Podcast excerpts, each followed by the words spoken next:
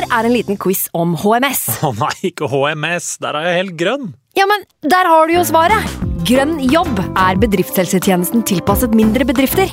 Våre HMS-eksperter hjelper mer enn 8000 bedrifter over hele Norge med alt fra lovpålagte HMS-krav til pålegg fra Arbeidstilsynet. Få på plass bedriftshelsetjeneste på grønnjobb.no.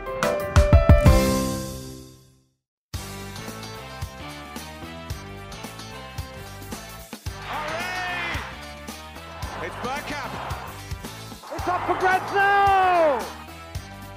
The next station is Arsenal. Hei og velkommen skal du være til en flunkende ny episode med Arsenal Station med Magnus Johansen og meg, Simen Goffeng. En nærmest eh, perfekt preseason er unnagjort. eh, Runda med hele 6-0 mot Sevilla. Martin Ødegaard er offisielt utnevnt som Arsenals nye kaptein, og det meste ser rett og slett eh, veldig lyst ut noen dager før sesongstart. Heldigvis så har vi en eh, sindig innlending her til å få oss alle ned på jorda og fortelle hvorfor fredagens premiere mot eh, Palace eh, kommer til å bli en dundrende nedtur. Hei, Magnus. Velkommen. Tusen takk for det, Simen. Um, Jeg ser jo for meg det er fredagskamp, det er flomlys, og jeg har sett hårfestet til Team Lewis. Jeg ser for meg at jeg har det samme etter å ha revet ut alle åra mine den, den aften. Nei, ja. Jeg er, jeg er gode vibes, rett og slett. Selv du, selv du har det, altså? Absolutt. absolutt. Det her, uh, den sommeren her, den, uh, den skiller seg ut på et vis, og det skal vi komme nærmere inn på. Det er bare å, å nyte det. Um, Ferie har jeg òg, så jeg er i godt humør. Du nyter det meste om dagen, med andre ord. da. Du har, du har det bra. Har det jævlig bra, eh, for å si det rått og enkelt. Eh, Du har jo ikke ferie, men allikevel så er det good vibes, er det ikke sånn?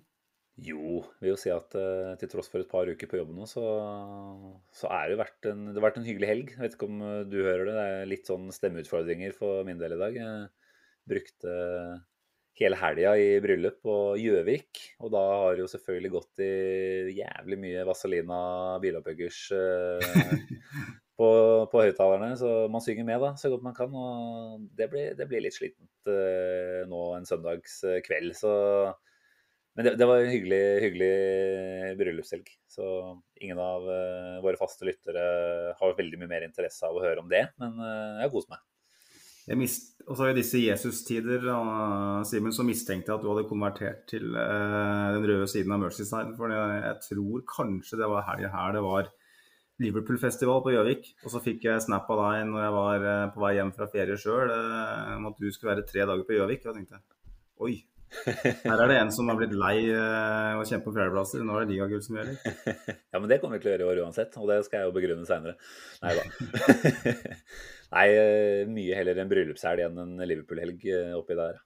Men eh, som jeg har nevnt tidligere, det er jo en artig greie. Så om vi kommer oss dit på et eller annet tidspunkt, at vi kan kjøre Arsenal-weekend et eller annet sted i det ganske land, det, det hadde vært litt gøy. Det hadde det. I regi av Arsenal Station i tillegg. Det kunne vi ha tenkt oss.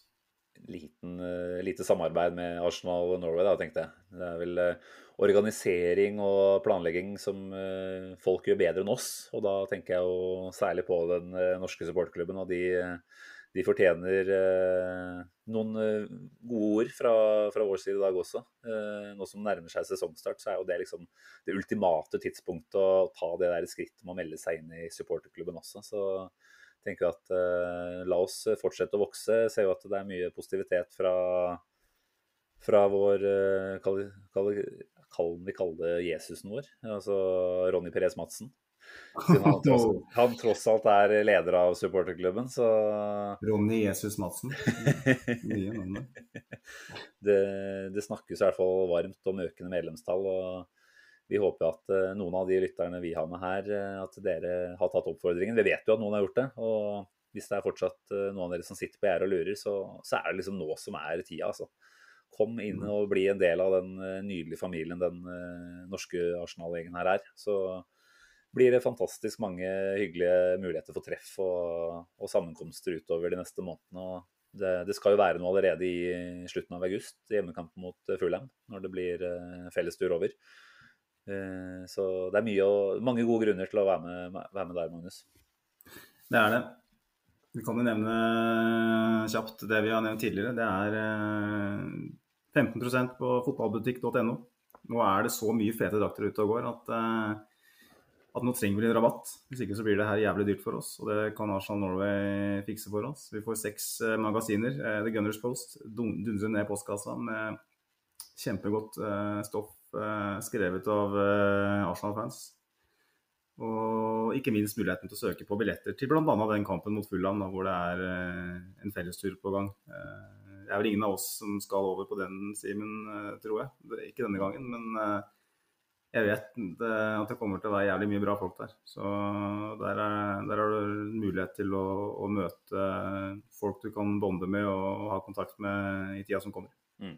Se at det er jo et helt sinnssykt trøkk på billetter nå. altså Den eh, Sevilla-kampen eh, her i helga den eh, var vel utsolgt, faktisk. Det var sånn at det var utfordring med å få seg billetter til en treningskamp en lørdag klokka 12.30 lokal tid.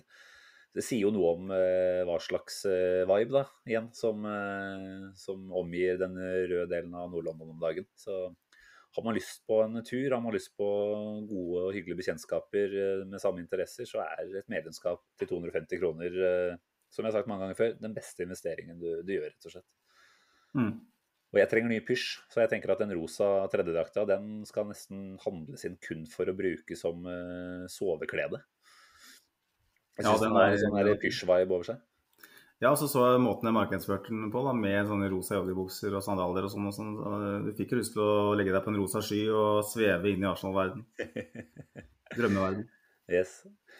Vi har eh, mye på planen i dag, Magnus. Vi skal jo rett og slett eh, begi oss ut på det vanskelige prosjektet som er å spå hva som skal skje kommende sesong. Altså ikke i detalj, men eh, i hvert fall prøve å gjette litt på hvordan tabellen kommer til å se ut, og hvordan det kommer til å gå med Arsenal, da, selvfølgelig. Eh, vi skal heldigvis ikke gjøre den jobben helt alene, eh, for vi er så heldige å ha med oss eh, fire gjester i dag, faktisk. Lyttere av podden. Eh, tipper at hvis man er innom Twitter og Facebook og skriver litt der, så har man sett alle de vi har med her i dag. Og det er jo kjempespennende å høre hva de har å si, og hva de tenker nå før sesongstart. Så skal vi komme med våre egne synspunkter eh, etter at de har eh, pløyd opp eh, marken for oss. da. Så kan vi bare sitte og, og dunke poengene på slutten. Det er deilig å bare innkassere litt av og til. Sånn som Yes. Arsenal skal gjøre de kommende ukene. Jeg tenker Magnus, at For at ikke det her skal bli altfor langt, så er det kanskje bare én ting å gjøre. Det er å ønske velkommen til første gjest. De står og banker på døra her, alle mann. Så, og kvinner, skal sies. Så, så for at ikke det her skal trekke ut altfor lenge, så tror jeg vi bare kjører i gang. jeg. Yes. Og da er det en glede å ønske velkommen til dagens første gjest, nemlig Kristoffer Gullberg, som man også finner under, under Twitter-navnet kgullberg85. Veldig hyggelig å ha deg her, Kristoffer. Veldig hyggelig å bli invitert. Selv om jeg inviterte meg litt selv før det. Men, eh, eh, allikevel, veldig hyggelig å, å være med. Ja, altså at eh, Vi kasta ut litt agn, og, og du var den første som tok det. Og tenker Ja. Da, da syns vi det er veldig stas å, å ha med deg som en av flere lyttere her i dag. da. Få, få noen eh, ja, kanskje nye synspunkter på hvordan eh, vi bør tenke rundt klubben nå før sesongstart. Selv om vi har hatt en ørliten før vi gikk på lufta her nå. Det later til å høres ut som du er ganske positiv i inngangen her nå. I overkant positiv vil, vil nok mange si at det har vært eh, Når det ikke har vært grunn til å være positiv. Men eh, som vi også så vidt snakket om, så, så føler jeg at det er en helt annen grunn til å være positiv i år. Så, så det skal vi sikkert snakke, snakke mer om også. Ja, Magnus, Hvor, hvor starter vi dette ballet her? I kjent stil så har vi jo ikke gjort forberedelsene våre ti av ti. Så vi, vi prøver litt sånn underveis, og så ser vi hvor, eh, hvor bra det blir. Eh, Vi skal egentlig bare spille Kristoffer god her. Stille Ja. gode spørsmålet. Takk. Eh, Da legger jeg det til deg. egentlig, eh, Simen. Eh, med ferie og frem, så ja, i den kofferten er det ikke plass for å gjøre forberedelser. Eh, men vi hadde en liten liste her, Mm. så vi kan jo bare gå litt sånn halvveis kronologisk til verks. Jeg syns det er spennende, før vi liksom snakker litt rundt eh, eh, Arsenal og hvordan ting funker akkurat nå, eh, preseason og sånt, så skal vi gå rett på tabell, tabelltipset, Simen. Eh, vi er vel enige med at vi kjører en topp seks, kanskje? Eh, For at vi skal kjøre topp 20 her, da blir vi sittende her til i morgen. Eh, så Kristoffer, eh, du kan jo velge sjøl hvordan du angriper det, om du vil begynne øverst eller nederst. Men hva er din topp seks, og hvor er Arsenal? Det er det mest spennende. Mm.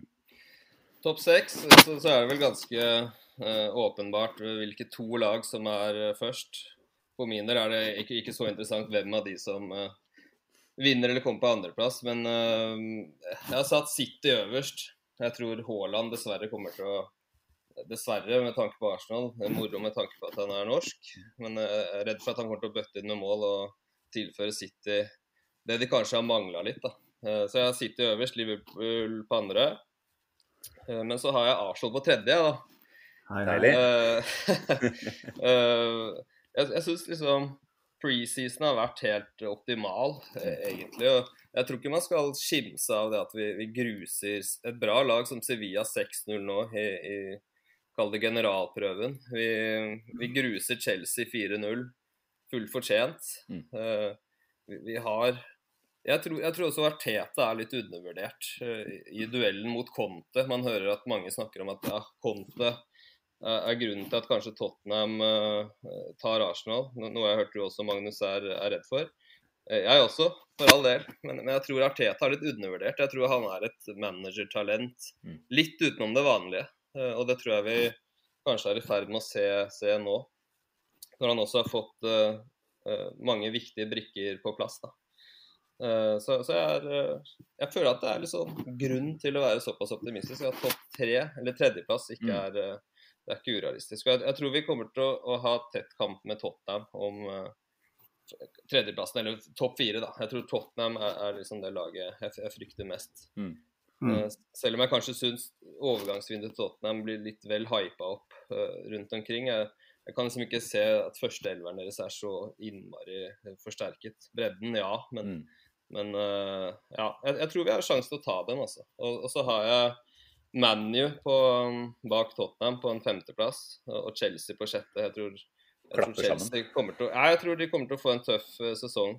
Mm. Jeg syns det er mye som skurrer litt der. Ja. Det, er, det, er, ikke noe veldig solid, solid fundament uh, i, i bånn der. og Man kan liksom se at han Tussel uh, er, er, Ja. Det er mye negativitet å spore der, syns jeg. Da. Dårlig mm. preseason i tillegg, så Ja, det, det er mitt tabelltips. Dette er jo musikk. Musikk i mine ører, eh, Kristoffer. Ja. Uh, I kjent stil så er jeg jo ikke noe særlig mindre positiv enn det du er her. Så jeg støtter egentlig alt du kommer med her. Ja. Det, det, er lett å ha den troa. Jeg må jo si meg enig i det. Uh, ja. Og det er klart, neste spørsmål som vi på en måte kan snakke litt om, da, altså, det er mange mulige måter å måle suksess på.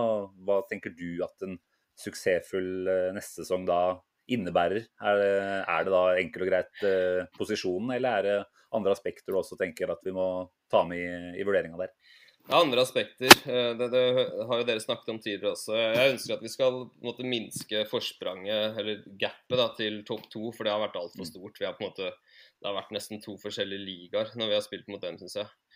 Eh, så jeg håper å være på en måte konkurransedyktig. Jeg tror det er urealistisk å, å, å kjempe om topp to. Det tror jeg det ville vært en veldig veldig overraskelse om vi gjorde. Men jeg ønsker at vi er i, i de toppoppgjørene også mot City og Liverpool at vi er konkurransedyktige. At vi, mm. at vi har noe der å gjøre. Vi kan ta dem.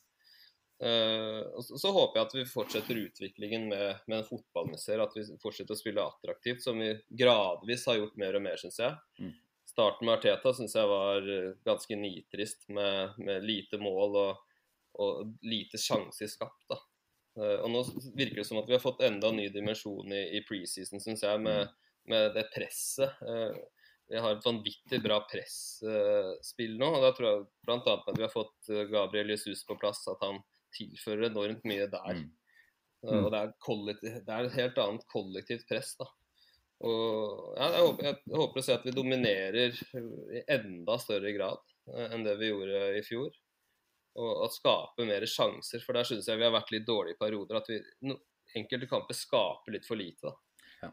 Så, men topp fire er absolutt noe, noe jeg Altså det, det, vil være en god sesong, men mm. kommer vi på femteplass, og, men vi har spilt bra fotball. Man ser klar progresjon. altså Tottenham, si Tottenham eller et annet, forhåpentligvis et annet lag, kanskje, eh, overpresterer. og. Det er ikke alltid så mye å gjøre med det, så, er ikke det noe sånn fullstendig krise. Men det er klart, topp fire vil eh, Jeg tenker at det burde være et uh, overkommelig mål og realistisk mål. da.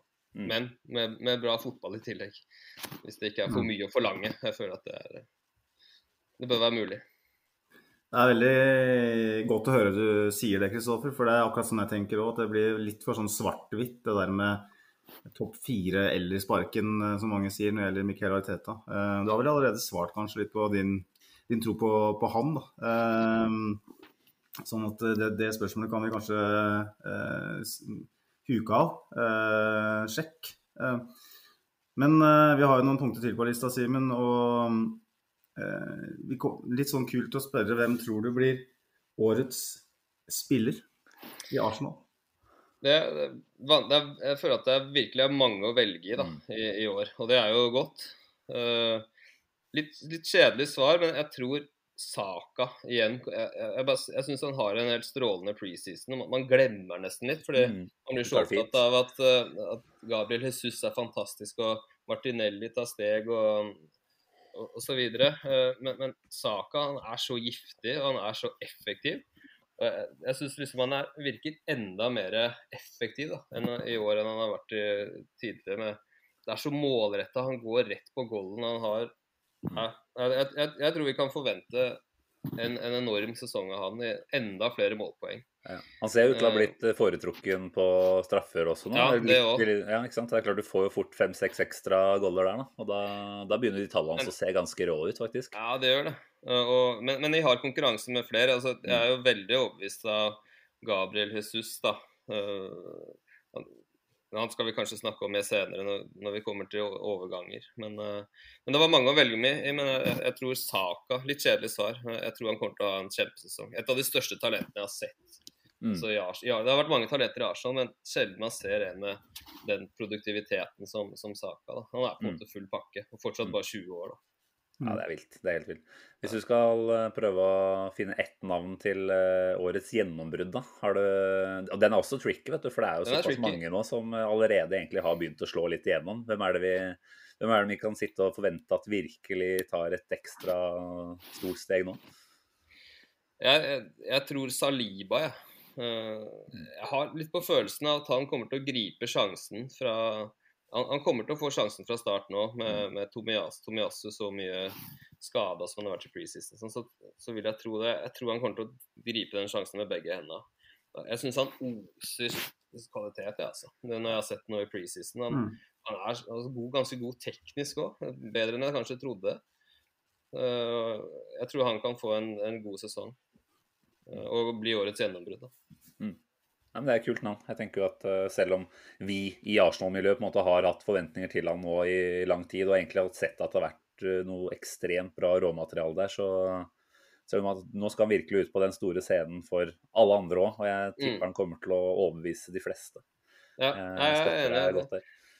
Så må vi ta den kjipe ja. siste her òg, da. Eh, det er jo nesten ikke hyggelig å skulle begynne å spekulere dit, men eh, hvem blir årets skuffelse? Skal vi holde det litt åpent, Magnus, og heller si hva, hva, eller hvem blir årets skuffelse? Det, det høres ut som en god plan, Simen. Altså, det må ikke være en enkeltspiller, eh, for så vidt. Det kan jo være f.eks. at vi, vi ryker tidlig i en, en cup, eller hva det måtte være. Altså noe så simpelt og banalt som den. Bare hva, hva blir hva sitter vi igjen mest skuffa over når sesongen er over? Og gjerne en enkeltspiller også. Ja, jeg, jeg, har satt opp en enkeltspiller som jeg virkelig ikke håper blir årets skuffelse. Men jeg er faktisk litt redd for at Smith Roe mm. Eh, kommer til å skuffe. For han er en spiller jeg har vanvittig sansen for. Altså, han, da, han, han, hadde jo et gjennombrudd i fjor og masse målpoeng. Fantastisk spiller. Men jeg bare syns jeg ser konturene av litt for mye skader, litt for mye sånt tull og tøys som gjør at han ikke er med i troppene og er ikke med i elveren. Beinhard konkurranse. Så jeg, bare, jeg, er så jeg er jævla redd da, for at han, han faller litt bort og, og, blir en av mange som måte, ikke kommer helt opp og lykkes. da. Mm. Så jeg, er redd, jeg, er virkelig redd for det, for jeg har kjempesansen mm. for det. Men, eh, men eh, ja, Tomiyasu også litt. For det har vært mye tull med han òg. Han hadde en sånn jævla bra inntreden i, i laget. Fantastisk spiller, men mye tull, mye skader.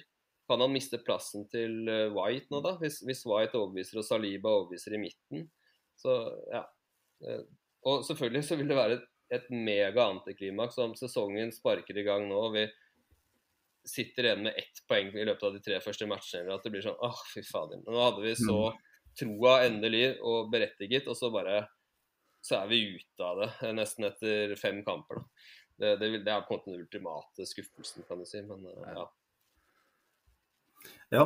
Um, det mye kloke poenger der, spesielt med tanke på spillere som, som sliter med fysikken. Uh, det er the usual suspects igjen som er, som er skada.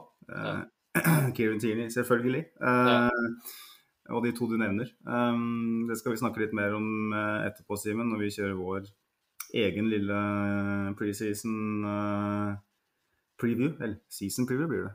Jeg er helt ute av det. Jeg bor i den kofferten her, er det lavt oppunder taket. Uh, så jeg banker huet oppi. Men uh, siste punktet på blokka her, Simen, er vel da overgangsaktiviteten. Mm. Eh, bare kort om det, Kristoffer. Hvordan vurderer du overgangsaktiviteten til Arsenal den sommeren her, så langt? Jeg syns jo det er i likhet med de fleste andre at det har vært veldig bra. Altså, spesielt som Ga Gabriel Jesus først, da. Eh, som jeg var så eh, litt inne på i stad, han er en bedre spiller enn det jeg har trodd. Altså. Mm. Jeg, jeg, jeg har sagt tidligere at jeg, i City-sammenheng da, at Jesus er ikke bra nok for City. Altså, han er, men så kommer han til Arsenal, så ser jeg på en måte en helt annen pakke enn det jeg har sett tidligere. da. Han, han er jævla rask og kvikk, han er bra teknisk. Han, han skaper sjanser ut av ingenting omtrent. Og, og viser seg å være en ganske bra avslutter òg. Mm. Uh, I hvert fall i preseason, da. Og det har vi jo sett i City òg, for så vidt. Men, men han virker som en en fantastisk signering, syns jeg. Uh, og i presset også, som vi snakket om i stad. Uh, Sinchenko også jeg tror jeg er altså, overraskende god teknisk og kan spille i forskjellige posisjoner. Og, er, uh, ja, og, og, så er det den vinnermentaliteten vi får inn i laget da, med, med disse to spillerne fra City. som også, jeg, jeg tror ikke det skal undervurderes. da. Nei. Um, de, altså, to fantastiske signeringer der til en grei pris òg, syns jeg egentlig. Mm. Uh, Vieira, ubeskrevet blad for meg. Uh, Ut ifra YouTube-klipp og sånn, så ser han jo superspennende ut. Og, og statistikken hans og sånn. Nei, ikke sant. Så um, Ja, Men det sies jo, da, som du sier, at han skal jo være et helt ekstremt balltalent. balltalent. Og Ja. med en hjerne oppå der, da, så, så er det jo mange som Altså, vi har jo igjen ikke sett den, ikke tenkt noe særlig på nå i preseason. Så det blir noe med å Tilføre han da oppå resten av den gjengen som vi ser eh, de holder på med det de driver med nå i preseason. Det, det er lett å få litt sikker sikkel i munnvikene da, altså. ja, jeg er helt, helt enig. Han, han ser jo virkelig bra ut. Og han kan være en spiller som kanskje kan avlaste Martin Ødegaard litt, da. Mm. Uh, og, det, og det trenger vi jo. Vi trenger jo bredde. Det er, det er derfor vi fjerdeplassen røyk i fjor. ikke sant? Det, det, Mm. det var ikke noe bredde. Så så og han Turner er på en måte ikke så er, Markinios er spennende eh, på lengre sikt. Jeg Tror ikke vi får se mye av han i år. Eh, men og han Turner virker som en OK andre keeper. Mm. Bare få opp litt daukjøtt, og så begynner det å bli bra. ja, så håper jeg jo inn at, ja, det, det, det må, Vi har jo altfor stor stall, kan du si. Mange som ikke får, får spille nå, da. Men eh, så, så håper jeg jo at vi får inn en sentral midtbanespiller. Uh, Tilemanns eller han Paketa, er det det Mm. han heter? Han fra Lyon. Det virker jo bra. Vi, vi trenger mer bredde der. På vingen er litt sånn herre Hvem skal vi hente inn der, eller offensivt? Hvis PP er motivert da, og, og, og kan akseptere å ha en rolle som litt sånn annenfiolin og sånn, så, så, så kan det være en OK løsning. Eh, Så leser jeg noen steder at han Reece Nelson skal få seg en sjanse til, men Mm. jeg vet ikke. Jeg har liksom ikke noen sånn soleklare navn på blokka på den offensive plassen her nå. Gnabry signa ny kontrakt med, med Bayern og sånn, så og han Rafinha glapp, så, så er det ikke så mange andre der jeg Ja. Men du er der at du har ganske solid tiltro til Arteta og Edu om dagen, så da, da finner de Jo. ut av det, liksom. ja. Jeg tror, jeg tror PP er jo en jeg, jeg var i utgangspunktet veldig fan av han da da han kom, og jeg syns han fikk litt lite sjanser. Altså, jeg synes han Det var fort han som fikk eh, tyn da, med en gang Arsenal presterte dårlig. Eh, og, og når han hadde en jævla bra periode, så og starta et par så litt dårlig i fjor, så plutselig mis, mista han helt sjansen. Jeg kunne gjerne sett at han fikk litt mer, mer eh, sjanser over tid, jeg, da. Og, og tror at det er, er en bra spiller der. Hvis, hvis han er motivert og, og kan være en sånn som kan komme inn fra benken, spille noen ligacupmatcher, FA-cup og sånn, så, så tror jeg han, han er et ganske bra alternativ i forhold til mye annet som er på Mm. uh, av aktuelle spillere. Da. Kan vel skyte inn det at Han har vel skif, skifta vel agent foran overgangsvinduet nå. tydelig tegn på at han kanskje ønsker å forlate klubben, eller i alle Ja. fall fått beskjed om at eh, det er det beste for din karriere. Ja. Eh, samtidig så har han vel kanskje opplevd at tilbudene der ute ikke er så veldig attraktive for han, og plutselig legger han ut den Instagram-posten nå hvor han skriver at han har endra masse ting i måten han tilnærmer seg trening og, og, og hele forberedelsen på. Eh, så det er et tegn på at han kanskje har funnet ut at ja, jeg vil kanskje være her. Fordi sjansene ellers er såpass eh, ja, det er, det er såpass mange steg ned. øh, sannsynligvis økonomisk først og fremst, men nå Ja. sportslig. Ja. Så det blir spennende å se Kristoffer. Eh, Jeg er kanskje ikke helt enig i at han fortjener noen flere sjanser, men eh, hvis han virkelig tar tak i seg selv, så er det åpenbart en fantastisk spiller der inne en eller annen plass. Ja, men han må være motivert, da. ikke sant? Det, det Mm. er helt eh, veldig liten vits å ha en umotivert PP, for det, det, er, det er ikke noe veldig bra spiller heller.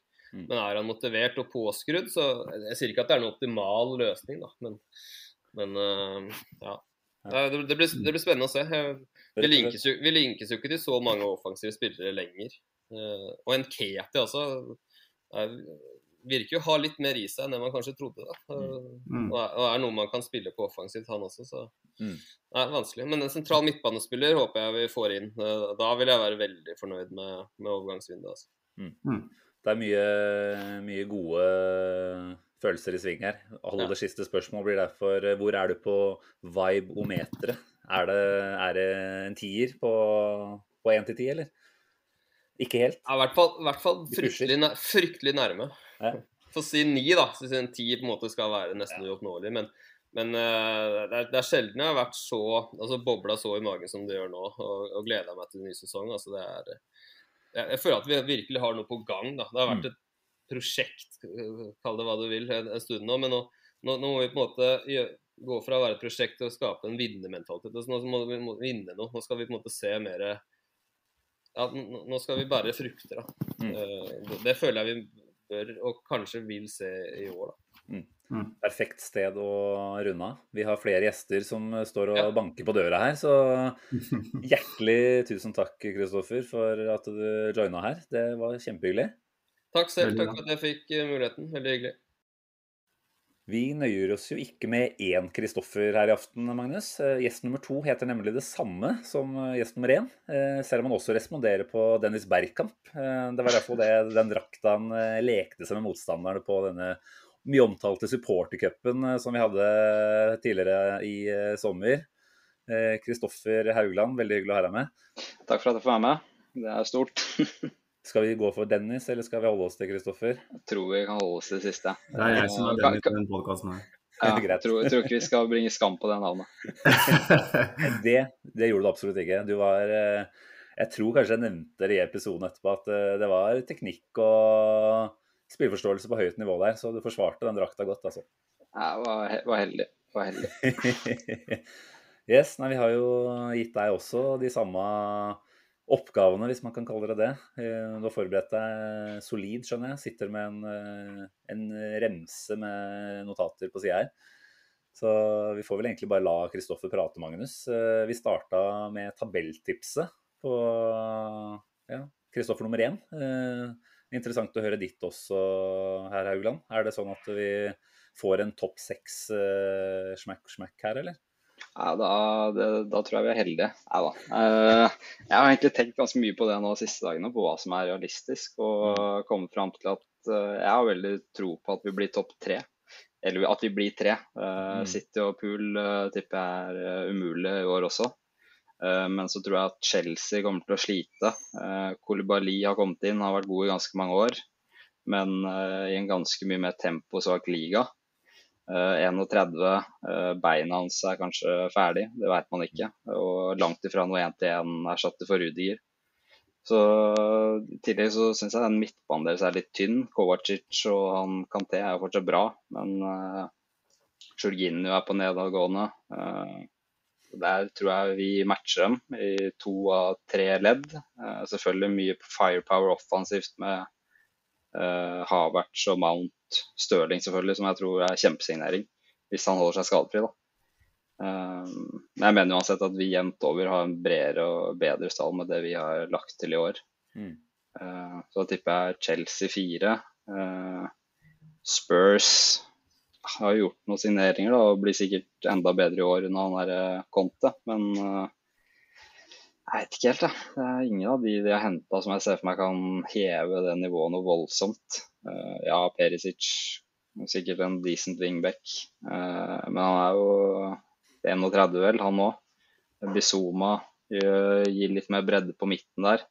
Og det er sikkert fint å få inn han, eh, så man slipper, i hvert fall for Spurs sin del, å få eksponert hvor dårlig Bentancur egentlig er, hvis han skulle få spille en hel sesong. Nei, så jeg tipper eh, Chelsea blir fire, Spurs fem, United seks. Da tar vi den tredjeplassen. Nydelig. Ja, det, er, eh, det er mye optimisme å spore her, Magnus. Ja. Skal, skal vi bare gi Kristoffer rett her med en gang? Vi snitter på tredjeplass så langt, da, eh, på to. Eh, veldig spent på om vi klarer å holde oss der oppe, men eh, veldig interessante poenger med tanke på, Mm. på rivalen. Eh, At du er såpass negativ til Tottenham f.eks., det er jo interessant. Jeg skal ikke avsløre hva jeg tenker der, eh, da blir jeg sikkert upopulær umiddelbart. Men eh, det var en eh, godt besvart eh, spørsmål, det. Og da tenker jeg vi kan gå rett på litt mer Arsenal-relatert, Simen. Um, skal, skal vi gjøre det så enkelt som vi sier, hvem blir eh, årets eh, spiller i Arsenal denne sesongen her? Jeg må nesten si Jesus, da.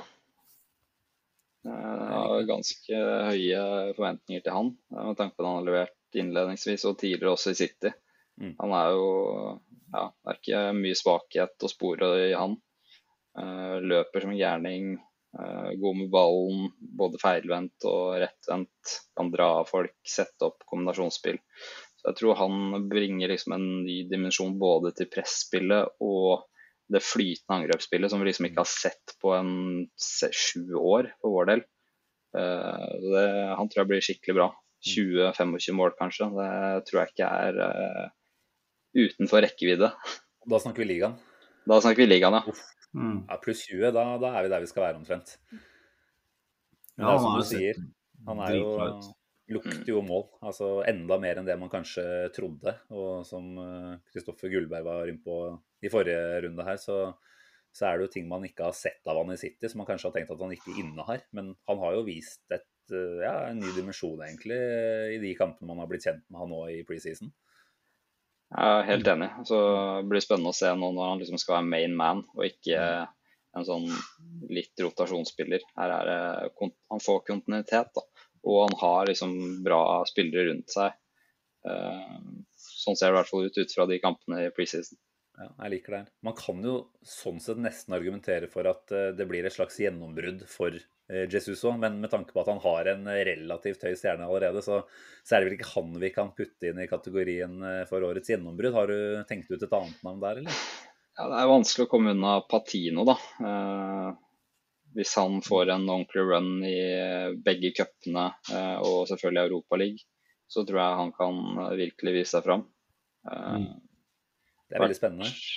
Ja, eh, jeg syns han ser veldig bra ut. Eh, Hvis ikke så har vi også Zambi, da, som eh, selvfølgelig viste mye bra innledningsvis i fjor, men fada litt bort. Og ja, var tungt egentlig fra november-desember inn for hans del.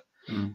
Eh, men jeg, jeg tipper han kan gjøre en ordentlig god figur eh, i Europa. og ja, Gud forby da, eh, at han må spille eh, sexy. Men hvis han får liksom spille åtter da, i den venstre indreløperrollen, så tror jeg han kan bli knallbra. Kjempeenig i det, altså. Og, vi satt jo her for et år siden, Simen, og, og slet veldig med å finne eh, kandidater til årets gjennombrudd. fordi vi hadde jo ikke Europaliga eller noe Europacup i det hele tatt eh, i fjorårssesongen. Sånn at scenen for å vise seg fram var ikke der. Så Patino er en kjempegod shout, tenker jeg, og, fordi at han vil få sjansen. Eh, det ville han ikke fått hvis vi ikke hadde hatt Europaliga, sannsynligvis. Og i den forbindelse så, så er det mange som kommer til å få sjansen. Hvem, hvem står igjen som årets skuffelse? Ja, Der har jeg to ganske klare kandidater. og En er selvfølgelig Tierney, som uh, er laga plast. Eh, hvis historien gjentar seg, så blir det jo han, da. Uh, sant? uh, En som er knallbra, egentlig, men som ikke får bidratt pga.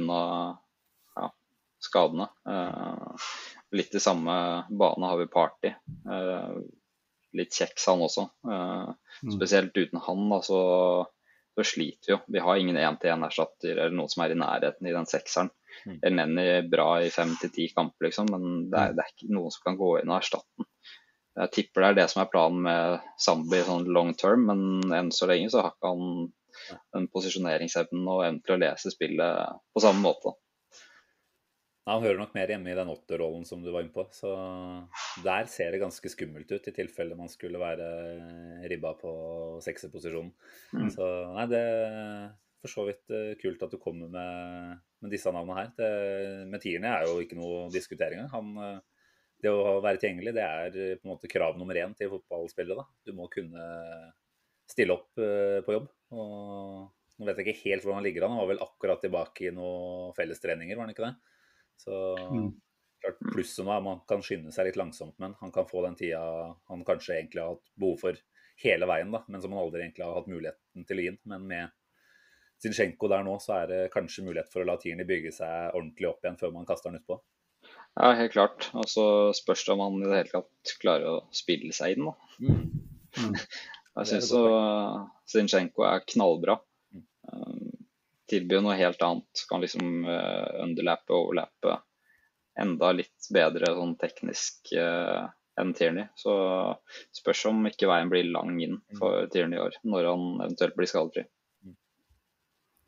Jeg er enig i egentlig alt her, altså. Uh, så får vi håpe vi tar feil ja, angående Kieran Tierney. Eh, kjempedeilig å få på plass uh, Zinchenko. Eh, og i den forbindelse så har vi overgangsvinduet òg, som er åpent. Uh, men til forskjell fra de fleste andre overgangsvinduer de siste ti åra, så er virker som Arsenal er ganske klare til sesongstart. Hvordan vurderer du overgangsvinduet så langt? Nei, sånn, hvis du har 10 er 100, eh, altså knallbra, så er vi rundt uh, 7-8 er på. Jeg har liksom heva den tekniske kvaliteten ganske mye ved å få inn Vieira, Zinchenko, Jesus. Eh, spennende også med han Markinios, som kanskje kan få muligheten i cupene, eh, men ikke noen, noe man forventer noe av. Eh, også ganske fornøyd med at Saliba er tilbake. Og han, at han er tilbake, det tror jeg virkelig kommer til å bidra positivt i år. Eh, ja, så eneste jeg liksom er litt skuffa over, er at vi ikke har henta inn noe som helst cover for Party. Mm. Det tror jeg kan bite oss ordentlig i ræva, gud forby, hvis han blir skada.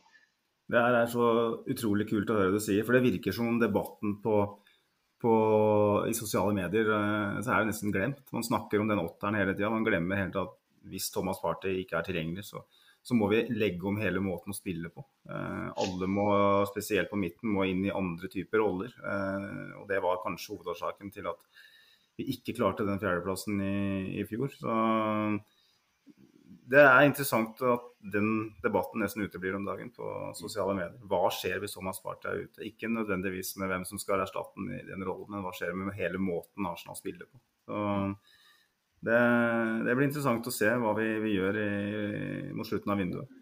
Nei, det er ingen som kan gå inn og ta imot ballen under press dypt eller uh, være så duellsterk da, hvis han skulle bli skada. Så eh, at folk liksom uh, roper at Tielemanns må inn, det, ja, han hever jo nivået han også, men det er ikke der behovet er størst i mine øyne.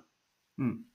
Så er det vel ikke bare bare å skulle få inn en som gjør Thomas Party-jobben like godt, som på en måte er villig til å være en slags backup eh, i utgangspunktet heller. Da. Så det er jo en, eh, en vanskelig situasjon å være i. Eh, jeg tenker jo at om det blir der at man må belage seg på å spille også en del uten han, så vil jo, som jeg tror vi har sett tegna på det, man vil jo legge om. og håpe at de har innarbeida gode nok planer. eh, At det, det er ikke bare denne ene veien eh, man, man skal ja, spille seg ut eh, bakfra. da. Nei, men der sliter vi skikkelig. Så hvis det skulle skje, så tror jeg fort vi kan falle to-tre plasseringer på tabellen. Bare på Mm. hvis han skulle være ute i lange perioder. Mm. Det høres allikevel ut som Kristoffer, at det er mye positivitet å spore her. Eh, føler at vi må høre hvor på vibe-ometeret du er nå noen dager før sesongstart, fra 1 til 10. Hvor eh, er det bare gode vibber? Ja, det er jo det. Etter de to siste treningskampene her med 10-0 eh, totalt mot Chelsea og Sevilla, så er det vanskelig å ikke bli å glede seg til eh, klokka ni på, på fredag. Mm. Magnus sin jobb det å få deg ned på jordet. Han skal sikkert si noe etterpå som gjør at du mister all troa, tenker jeg. Ja, bare bring it on. Det, det må til. Så skuffelsen ikke blir altfor stor når vi stanger mot den lave blokka til Palace og blir kontra her på fredag. 1-0 Saha på straffesikkert. Der har vi den. Alle sett det før. ja, nei, jeg skal ikke si Jeg skal ikke avsløre noe som helst, men uh, de som lytter, får bare vente til vi kommer dit. Uh, vet ikke, Simen, da er vi kanskje ferdig med Kristoffer nummer to òg? Uh, ja, det er jo I hvert fall for i kveld vanskelig å på en måte sette strek. Eh, men bare for å avslutte helt, da. Så det er jo et stort spørsmål, men eh, vi har vært inne på tabellposisjon. Eh, men altså, det er flere måter å måle suksess på. Er det andre momenter som på en måte innebærer om det er en suksessfull sesong i dine øyne, enn bare tabellposisjon? Det må vel nesten være å Hvis vi klarer å dominere mer og større perioder av kampene mot Liverpool da spesielt, som vi, jeg syns var skikkelig sleit ordentlig med i fjor i alle tre matchene. Eh, og City også i over to kamper klarer å matche dem til enda høyere grad. Presse høyt, eh, være flinke med ballen, spille av press. Det er egentlig det som mangler eh, i mine øyne. Og selvfølgelig eh, gjøre en bedre figur i de matchene mot type Palace. da. Lavblokkslag som ligger kompakt og har ordentlig running power på kontringa klarer å spille av presset der, så, så er jeg fornøyd. Mm. Det, er ikke, det, er ikke, verre enn det, Mikkel. Bare fiks, uh, fiks de tingene her, så går det bra, det.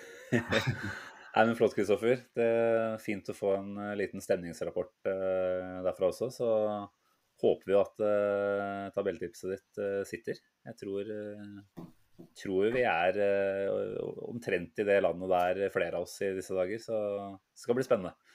Tusen hjertelig takk for at du, at du ble med, i hvert fall. Jo, takk for at jeg fikk være med.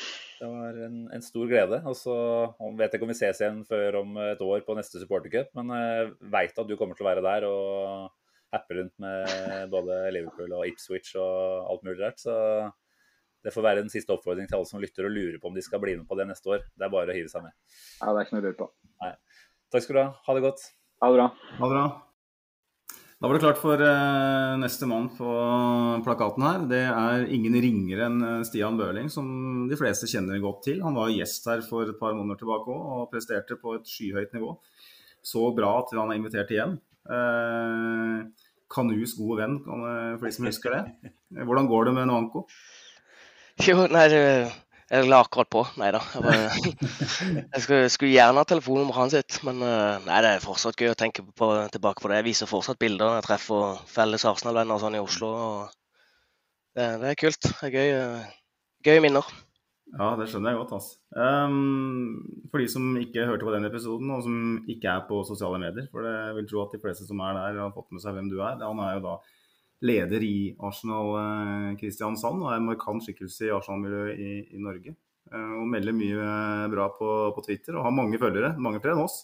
Sånn at rekkevidden er der. Så jeg veldig, gleder meg veldig til å høre hva du har å si foran sesongen. Skal jeg bare si her at Det er bare å gå inn og lytte på episode 90 hvis det er noen som ikke har gjort det. Da er det, skal vi se ca. 1 time og 35 med Stian Bøhling. Så det, hvis man ikke får nok etter det kvarteret her, så, så er det bare å ture videre. yes. Uh, det blir det nok ikke. Vi skulle gjerne ha snakka lenge, men uh, vi kan jo bare gå i gang, da, så det ikke her blir så lenge som det pleier å bli med oss, Simen. Um, vi har jo hatt to Kristoffere her nå før deg. og vi kjørte i gang med tabelltips, topp seks på de to. Da tenker jeg da kan vi gjøre det med deg òg. Hvordan eh, blir topp seks eh, den sesongen som kommer, og hvor havner Arsenal? Oh, jeg har sittet lenge og drodla på det, egentlig. Så satt jo i bil på vei hjem i dag, bl.a. fra Oslo og sånn. og Nei, det er ikke noe tvil for meg topp tre. Jeg holdt på å si kanskje nesten spigra, men uh, City vinner i hvert fall. Så er det Liverpool bak, og så er jeg litt sånn litt i tvil, men uh, det er klart Chelsea har sett litt svake ut, og vi knuste jo de for så vidt i preseason. Men jeg, jeg tror vi har sjanse til å ta tredje, altså. Og så har jeg satt Chelsea på fjerde. Mm. Eh, og så har jeg Tottenham som nummer fem og United som nummer seks.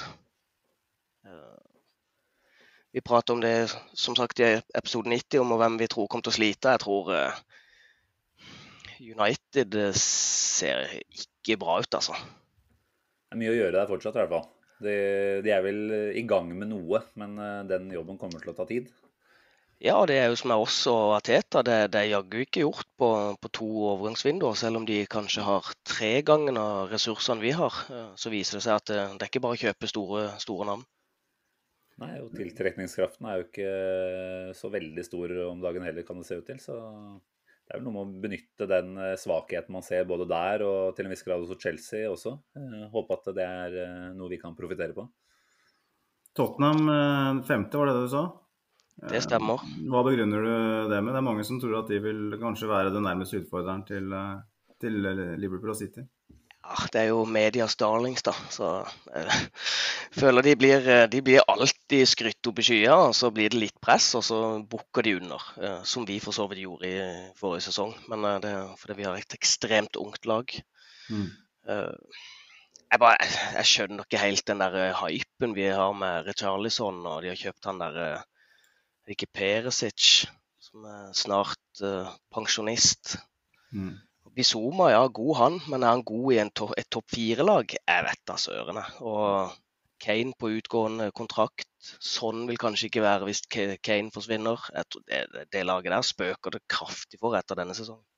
Det er jo nettopp det. da. Det er litt sånn, det er denne sesongen her. Så spørsmålet er jo hvor mye de klarer å makse ut uh, de kommende månedene nå. For det er klart, uh, det er jo både et lag og en trener som på en måte er på toppen av det de kan i forhold til at det er nå de må prestere. Så jeg har vel latt meg bli litt eh, redd av det Magnus har servert av eh, spådommer når det kommer til Tottenham. Så det var veldig deilig å høre at du hadde litt mindre troa på dem enn det. altså.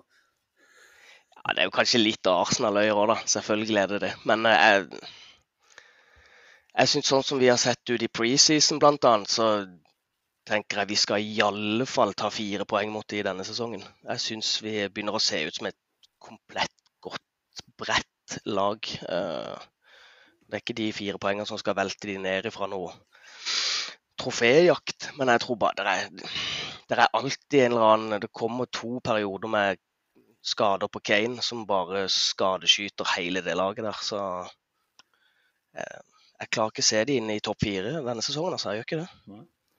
Men OK, la oss eh, pointe over igjen på Arsenal. Altså, du nevner tredjeplassen som en eh, mulighet her. Eh, hvem er det som skal på en måte være vår eh, hovedmann til å ta oss dit? Hvem er det du tenker blir vår eh, beste spiller denne sesongen? Det er Sykt vanskelig å ikke nevne Gabriel Jesus. Altså, han har, hva er det han har skåret? Er det fem-seks mål nå på Sju, tror jeg faktisk. Syv, ikke, ikke sant? Syv på seks kamper. Uh, ja, preseason og alt det der, men uh, det er en vanvittig god spiller vi har fått tak i han. Og gutta rundt med Martinelli som ser ut til å virkelig eh, våkne til, og Ødegaard som bare sprer pasninger i øst og vest. Det er jo helt eh, Det kan bli 25 pluss mål, det, altså, hvis vi bare får det til å tikke. Så jeg setter mine kort på Jesus. Som mange andre der du kommer fra. Ja, det, det er ikke greit, vet du. Jeg, jeg vil si Med den eh, musikkstilen jeg har og alt, jeg kan ikke ha Jesus bak på ryggen. altså. Det går bare ikke. Nei, jeg gikk på en drakksmell der, altså. Som eh, en liten skeptiker til Jesus, både spilleren og han eh, oppe i himmelen, så måtte jeg ha den der bortedrakta med Det står jo G punktum Jesus, da, så det er Med mindre du er helt uh, bortreist fotballmessig, så tror jeg det, du kommer unna med det. altså. Ja, skulle tro det. Årets eh, gjennombrudd er jo òg noe vi har satt opp på eh, prediksjonslista her. Vi skal jo eh, gå gjennom det her når sesongen er over, sånn at du vil få potensielt både heder og, og tyn. Hvem tror du blir årets gjennombrudd? Jeg har liksom sittet og holdt på å si det i forhold til preseason-kampen, prøve å følge med litt. Men øh, så har vi liksom ikke fått med så veldig mange akademispillere, da. Mm. Så jeg syns det er litt vanskelig. Eh, Og så har vi jo lånt ut kanskje et par av de aller største gutta som trenger mye spilletid. Eh, Men jeg vet ikke om vi skal kalle at det kan bli et gjennombrudd, men Enketia tror jeg plutselig vi ser en helt nytt dyr av. Virker som de siste fire-fem kampene i fjorsesongen så, så våkna det noe hos han der. Uh, en som bare seriøst blør for, for emblemet på, på, brystet. Så kan vi se 10-12, kanskje 13-14 mål av han denne sesongen. Det tror jeg jaggu ikke er dårlig pønt. Nei, Han har bare skåret ett mål færre enn uh, Jesus i preseason. Bare nevner det. Så vi veit at han skårer. Sorry, Magnus. Nei, jeg bare skulle si at han Tenker du da i ligasammenheng eller totalt? Jeg tenker nok totalt. Um, det, er det er ikke kontroversielt å melde at han får en 10-12-15 mål eh, totalt når vi har Europaliga og, og, og sånn? Nei, og så syns jeg vi må være litt forsiktige med det òg, på en måte. For uh, han var på vei bort. Uh, så ikke ut som det var så veldig bra stemning i leira. Og så løsner det, da. Og så ser vi jo hva faktisk Arteta har skrytt opp. Men uh, så må vi gi den unge gutten som han faktisk er da, det er bare en guttunge, gi han tid til å vokse i det laget her. For det er mye ungt, og vi må, vi må være villige til å se de feile flere enn én en gang før vi mm. hogger av de noe som helst. Mm. Jeg syns det er et spennende navn, og en fyr som fort har, ja, om ikke blitt glemt, eh, så har du på en måte man, man, snakker jo ikke om Nketia egentlig, uansett uh, hva han holder på med, nesten. Og det handler vel først og fremst om at han har vært i Arsenal lenge nå. Hadde vi henta Nketia på en free transfer og gitt ham 100 000 pund i uka, så hadde vi nok prata om han på en helt annen måte etter den sommeren han også har uh, vist. da. Selv om han selvfølgelig ikke har spilt like mye, så har det jo vært en produksjon og en, ja, et nytt dyr, uh, som, vi, som, du sier, Stian, som vi ser her. Så jeg tenker det er spennende shout-out, det, altså. Ja, jeg håper det. Det er jo ikke noe som er gøyere enn å se våre egne virkelig blomstre. Altså Saka, Smith-Roe, få opp en Ketja der og da. Det var jo helt, helt magisk. Mm. Mm. Han håper blomster. Er det noen du ser for deg at visner denne sesongen, her, som blir den store skuffelsen? Eventuelt, Vi har åpna for at det kan også være et hva. Det trenger ikke være en enkeltspiller. Eh, om det er noe større du på en måte tenker at det er en skuffelse? Jeg sa det egentlig drodla ned to poeng, og jeg tar to er liksom helhetlig, og så to er spiller. Uh, og spiller for meg er fryktelig redd kan bli Tyranny, altså. Uh, ser jo ut som han bør ha vært i det laget her i siden han kom ut av, av sin mor, holdt på å si. Han er bare rett inn. Uh, Tierney han er bare skada, skada, skada, skada. Og er redd han ikke klarer å for det første få fast plass tilbake. Og han har rett og slett ikke klarer å holde seg skadefri. og Det, det er skuffende. For vi ser at det er en sykt god venstreback vi har i, i Tierney. Men jeg tror rett og slett uh, Nå låner vi ut Tavares òg, og det for meg vist er det kanskje et lite signal på at vi ser etter å selge Tierney etter denne sesongen, hvis det ikke funker. Mm. Mm. Det er et, uh, et, godt shout, og det er vel ikke den første som melder det heller. Og vi har dessverre kommet dit at det, det er nesten et åpenbart valg, uh, sånn som situasjonen har blitt. du hadde et poeng til, sa du, angående skuffelse. Mer bredt. Ja, det går jo som jeg, helhetlig. Jeg, skuffelsen blir hvis ikke vi tar topp fire nå, etter de enorme stegene jeg syns vi tok forrige sesong, så å ende på femteplass. Så vi må inn i topp fire, Champions League. Uh, og vi er nødt til å vinne noe i år. Jeg tror ikke det blir Europaligaen, men at vi tar FA-cupen uh, et minimum, det Klarer vi ikke det, så det, det, det er en skuffelse. Mm. Det, det, må vi være tøffe nok til å si. For vi er, det, selv om vi har vært ute av det lenge, så er vi fortsatt Arsenal. Ja. Så selv om Arsenal potensielt sett skal skåre 15 ekstra mål, få 10 ekstra poeng, eh, allikevel se at det er fire lag som eh, er bedre, da. I hvert fall poengmessig til slutt. Eh, du er på en måte knallhard der og sier at det er en skuffelse uansett? Ja, det, det mener jeg helhjertelig. Jeg, tenker, jeg forventa ikke noen ting i, i, fjor i forhold til topp fire. For det at vi Du må se forutsetningene. Men så er vi så sykt nærme, da, så da blir det jo skuffa likevel. Mm. Eh, jeg tenker, Hvis ikke vi klarer å bygge på det nå, så er alt annet enn topp fire og en FA-cup eventuelt, det, det, det, blir skuffende. Eh, det er gode lag i Premier League, altså, men vi, vi, skal være en av de fire beste. Mm. Jeg syns det er litt forfriskende å høre at det er så enkelt, egentlig. For det, det, er klart det er lett å se at man skal sammenligne seg med omgivelsene og måtte sånn sett forklare hvorfor man uh, i verste fall da, allikevel kan ende opp med å ryke ut. Men ja, vi er Arsenal.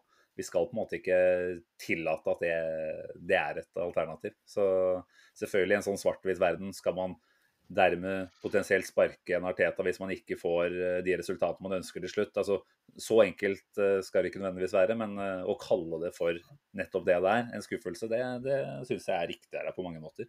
Mm. Ja, Ja, det er, det er åpenbart.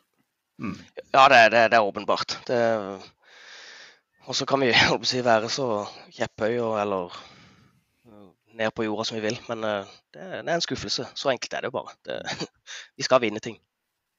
Mm. Neste punkt på plakaten, eh, Simen, eh, det var vel da overgangsvinduet, kanskje? Eh, Vi, vi sa det nettopp i forbindelse med at vi hadde Kristoffer Haugland her eh, for noen minutter siden, at eh, det er kanskje en terning som ville ha skåra lavt. eh, En eh, klink én eller toer eh, siste åra på det tidspunktet her. Nå er det fortsatt ei uke igjen til sesongen, og mange ting er allerede på plass. Blant annet et par stykker som går rett inn i elveren og forsterker oss. og Vinduet er ikke stengt. Um, hvordan vurderer du overgangsaktiviteten til Arsenal den sommeren her, og spesielt da sammenligna med det som har vært de siste si, 10-12 åra? Ja, i, i, I forhold til de siste 10-12 åra, så er det jo terningkast 10, holdt på å si. Det er jo For der, der har vi vært så sløve og trege og virker nesten litt sånn paniske på siste uka.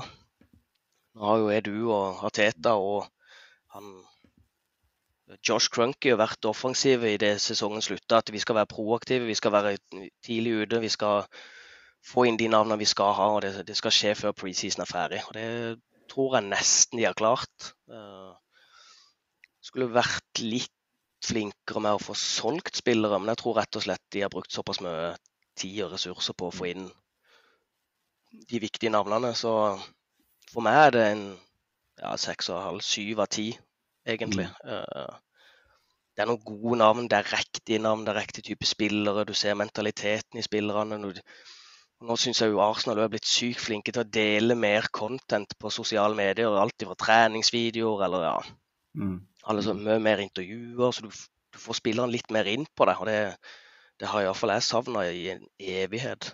Det er et veldig viktig poeng som mange ikke tenker over. Dette er jo noe som handler om Arsen Wenger, og han ønska å beskytte spillerne sine ekstremt mye. sånn at eh, det er jo på en måte hans kultur som henger igjen litt der, eh, og har hengt igjen lenge. Eh, Så spennende poeng det. At, at vi ikke bare ser det vi ser på matchdays, men resten av uka òg. At vi får et innblikk i, i hvordan det er på, på trening. og du får et, får et, et større inntrykk av hvem de her spillerne er som personer. og Det, det er litt viktig når man skal eh, stå på tribunen og, og støtte dem. og det, Du ser jo det. At eh, det er flere, flere faktorer her, men det har jo åpenbart funka. Absolutt.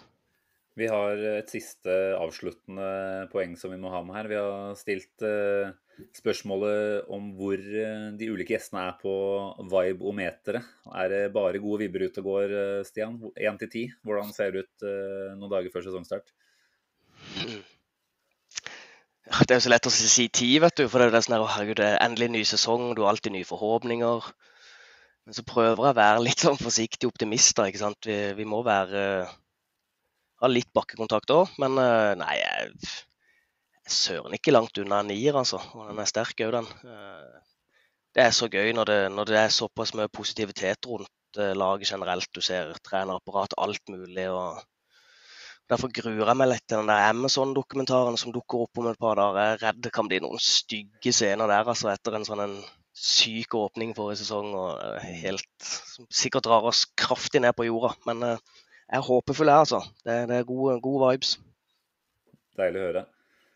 Nei, Jeg vet ikke om vi gruer eller gleder oss til Er det torsdagen den, eh, de to første episodene slippes? Eh, Vet ikke helt. Men det er jo potensielt sett en forferdelig opptak til eh, fredagen, da. Nei da, jeg, jeg tror de har registrert regissert det på en fin måte. Så jeg tror vi kommer ganske godt ut av det. Jeg håper det. Ja. Yes. Nei, men da, da føler jeg igjen at du har levert eh, godt over eh, åtteren og en sterk nier. og. Kanskje en tier til og med, Stian. Kjempebra. Tusen takk. Det, det er kjempe, kjempegøy å være med igjen.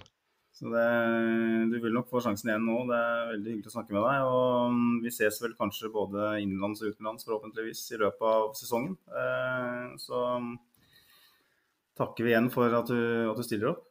Hilse en Vanko, selvfølgelig. Det skal jeg gjøre. Tusen takk. Ha det bra. Ha det. Yes, ha det bra. Yes, da er vi klare med siste eksterne stemme for kvelden, Simen. Vi har eh, fått med oss selveste trygdeturer fra Twitter. Eh, Silje Svendsen. Eh, en eh, tydelig stemme i norske Arsenal-miljøet, i alle fall på sosiale medier, eh, har jeg fått med meg. Og vi har fått mange gode kommentarer og spørsmål fra deg i løpet av eh, vår tid som poddere. Og vi har jo latt oss fascinere av brukernavnet ditt, Trygdeturi. Eh, Vil du avsløre hva, hva tanken bak eh, er? Ja, nei, det, det er ikke noe sånn spesiell tanke med det. Det var jeg og kusina mi som drev og spilte litt på noen morsomme navn for en stund siden. Så Trygdeturi, Bingo-Birger det får bare meg rett og slett. Det er min humor, eh, så det, det er godt. Um, ellers så ser jeg Lillestrøm òg er et eh, lag du trykker til hjertet ditt. Ja, fugla flyr høyt om dagen, så det er utrolig gøy å følge med på de. Uh, Mm. Ja, virkelig heva seg som, som lag i år, altså. Så spennende. Se hvor det ender. Spennende tider for deg. Arsenal nå flyr jo høyt, iallfall hvis vi skal ta preseason eh, som utgangspunkt. Um, vi har jo hatt tre gjester her nå eh, før deg, og alle har vært ganske positive i tabelltipset sitt. Jeg tenker vi kan starte der. Hvis du setter opp topp seks for kommende sesong, eh, hvordan, eh, hvordan ser det ut for deg? Ja, ehm, da kommer jo jeg inn som eh, den kanskje litt upopulære tabelltipset her, da. Ehm, hvis jeg skal ta én til seks først, Mm. da har jeg Liverpool på topp foran City. Og så kommer eh, Tottenham på Ja, tredje. ikke si det. Før, eh, foran Chelsea, og så Arsenal og United. Ja. Mm. Det syns jeg er veldig greit. Ja, at vi får, eh, nå har vi hatt tre Arsenal på tredjeplass eh, før deg, og at vi får, eh, vi får inn noen som faktisk tør å melde at Arsenal ikke blir topp fire. Det, det, det er bra for deg, og veldig spent på argumentene dine. Ja, nei, eh, det handler litt om at vi vet at Tottenham har to verdensklassespillere som begge kan putte 20 mål hver. Mm. Per nå så har ikke Arsenal bevist at eh, de har det. Eh, og så er det litt med at eh, det blir litt eh, Det har vært litt naivt og mista litt huet i toppkampene. Så jeg føler at Arsenal må bevise at de kan stå de kampene ut før de kan komme inn på topp fire, rett og slett. Mm. Men eh, ikke nå har vi jo endelig fått inn en eh, spiss da, som forhåpentligvis kan eh, dunke inn 15 pluss. Så ja. Og hvis Saka klarer å melde seg på i tillegg, så kan vi fort snike oss inn på topp fire.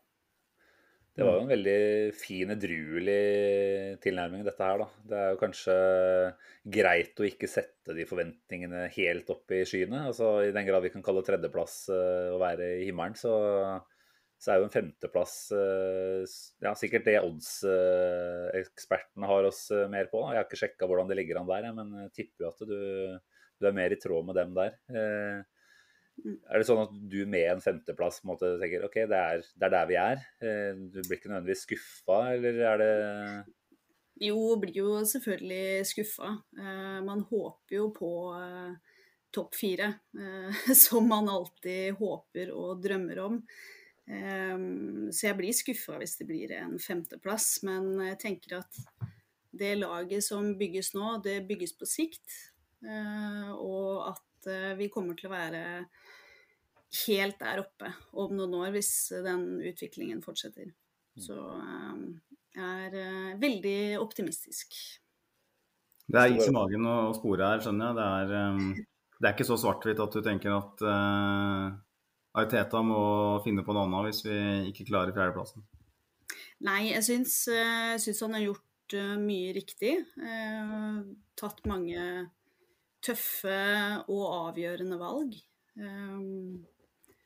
Så tenker at så langt har de vist seg å fungere bra.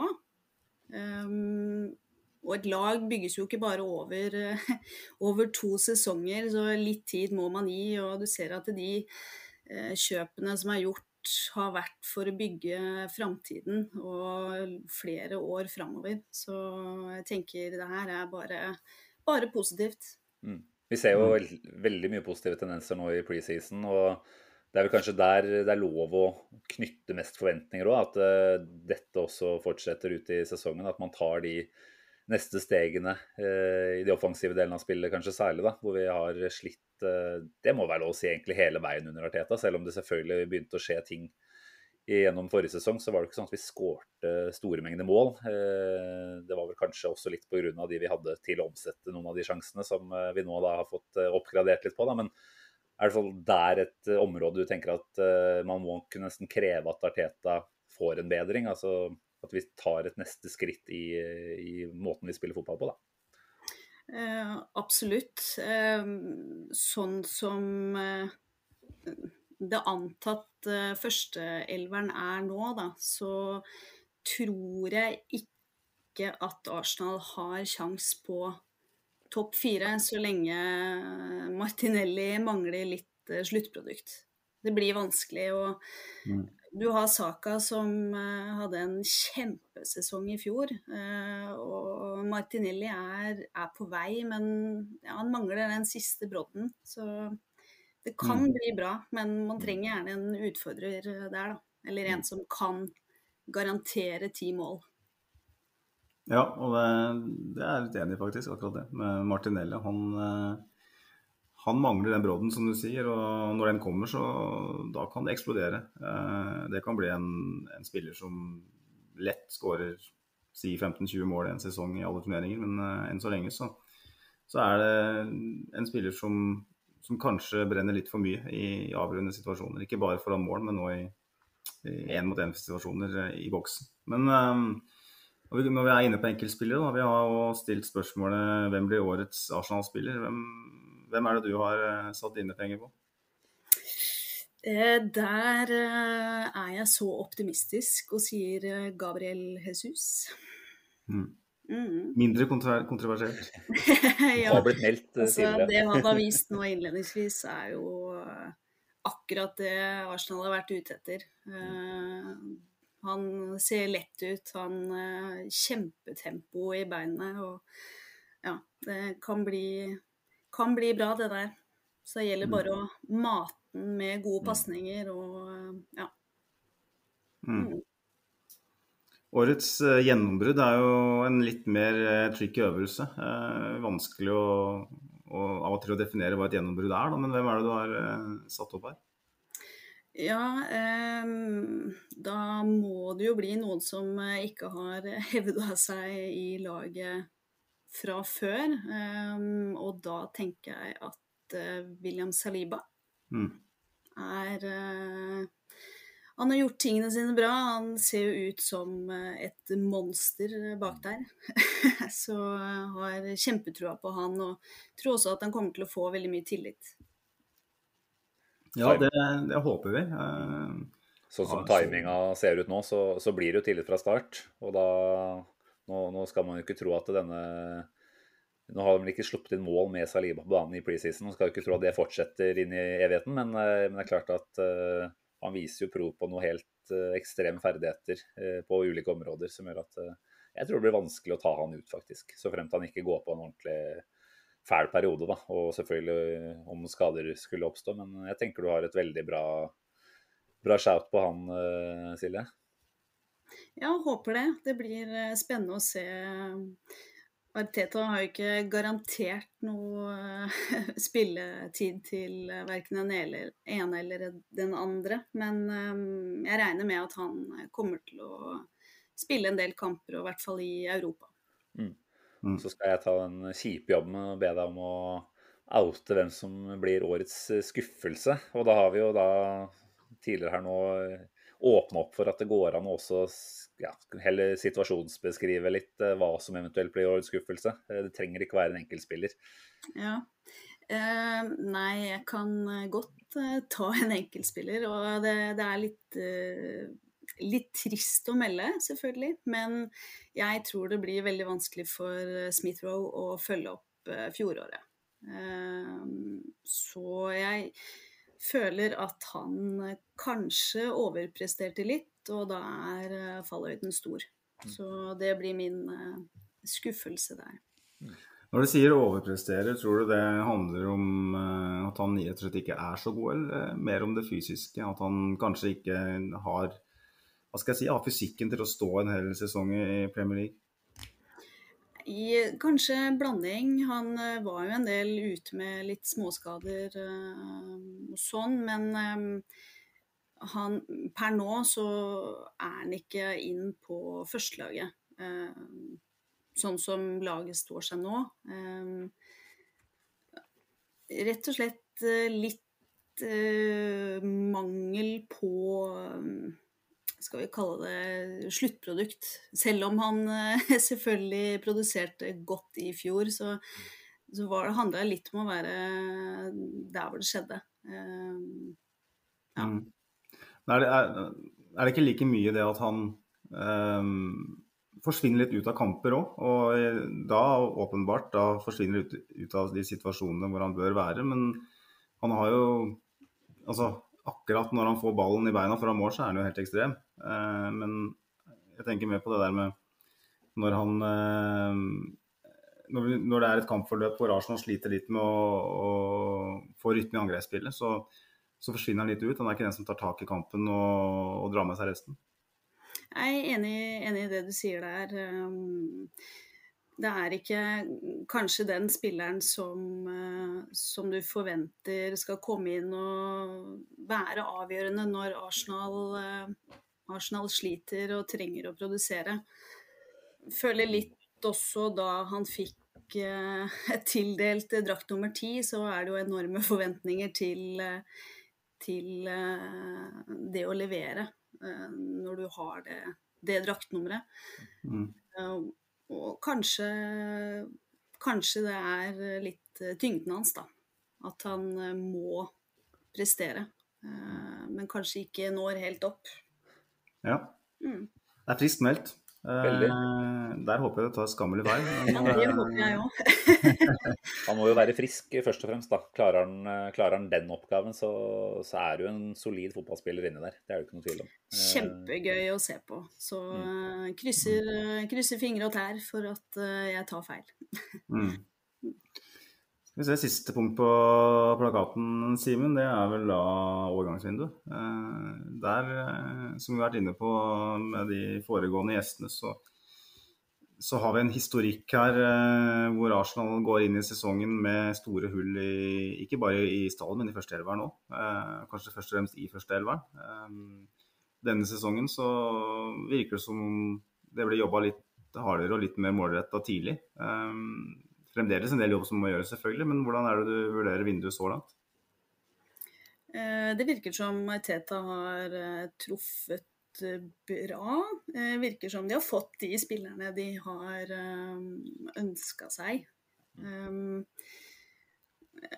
Hva skal jeg si Det virker som veloverveide signeringer uten å forhaste seg, sånn som det kanskje har virka tidligere år.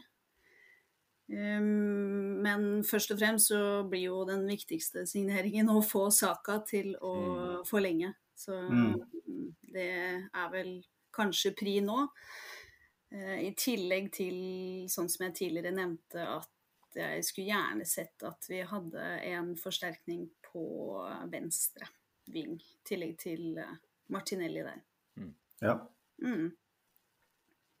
Nei, men eh, det er, eh, det er eh, godt oppsummert, ja, altså. Eh, Det er en del jobb som gjenstår, og mm, samtidig som, som det virker som det er en god plan. Så det er vel bare rett og slett å krysse alle lem her og satse på at det her blir så bra som spesielt de tre optimistene, foregående optimistene har vært. Og jeg tenker at, at du har veldig edruelig gode poeng, og absolutt ikke negativ. Eh, Forfriskende å høre at noen eh, ikke blir helt bergtatt av den uh, preseason her. Etter den Sevilla-kampen i går så gikk inn på Twitter og tenkte har vi vunnet ligaen? eh, allerede.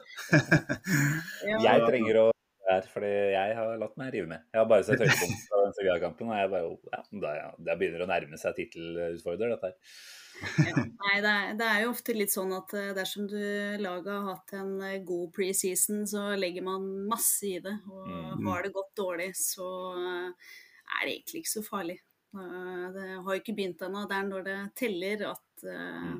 begynner å telle opp pinnene. Mm. Og det er jo bare for å ta det, da. Nå, nå blir jo du sistemann på den Eller siste dame, eh, eller første dame for så vidt, på den eh, runden her. Og jeg føler jo det at, at, det er et poeng at vi legger så mye mer i preseason nå enn det vi gjorde før. Eh, nå betaler vi penger for å se Arsenal spille treningskamper, altså. Det er ganske sykt. og Før så fikk vi med oss noen enkeltkamper, ja, kanskje vi Arsenal kom. Eh, vi fikk med oss noen høydepunkter her og der, og la oss Kanskje handlet det om enkeltspillere, som, eh, spesielt unge spillere. da. Husker Selalem, Reece Nelson, spillere som overbeviste i preseason. og Det var fokuset. Resultatet var litt mer sånn ja. Mm. Men nå, nå er sånn preseason bare viktigere og viktigere. Det er trofeer eh, i preseason. Det er eh, rundreiser. ikke sant? Sånn at jeg tror det at vi, vi, legger kanskje litt for mye i, i preseason nå. og Inni en litt sånn ond sirkel sånn sett. Altså, når skal det her jaget stoppe? Hvor seriøs skal preseason bli?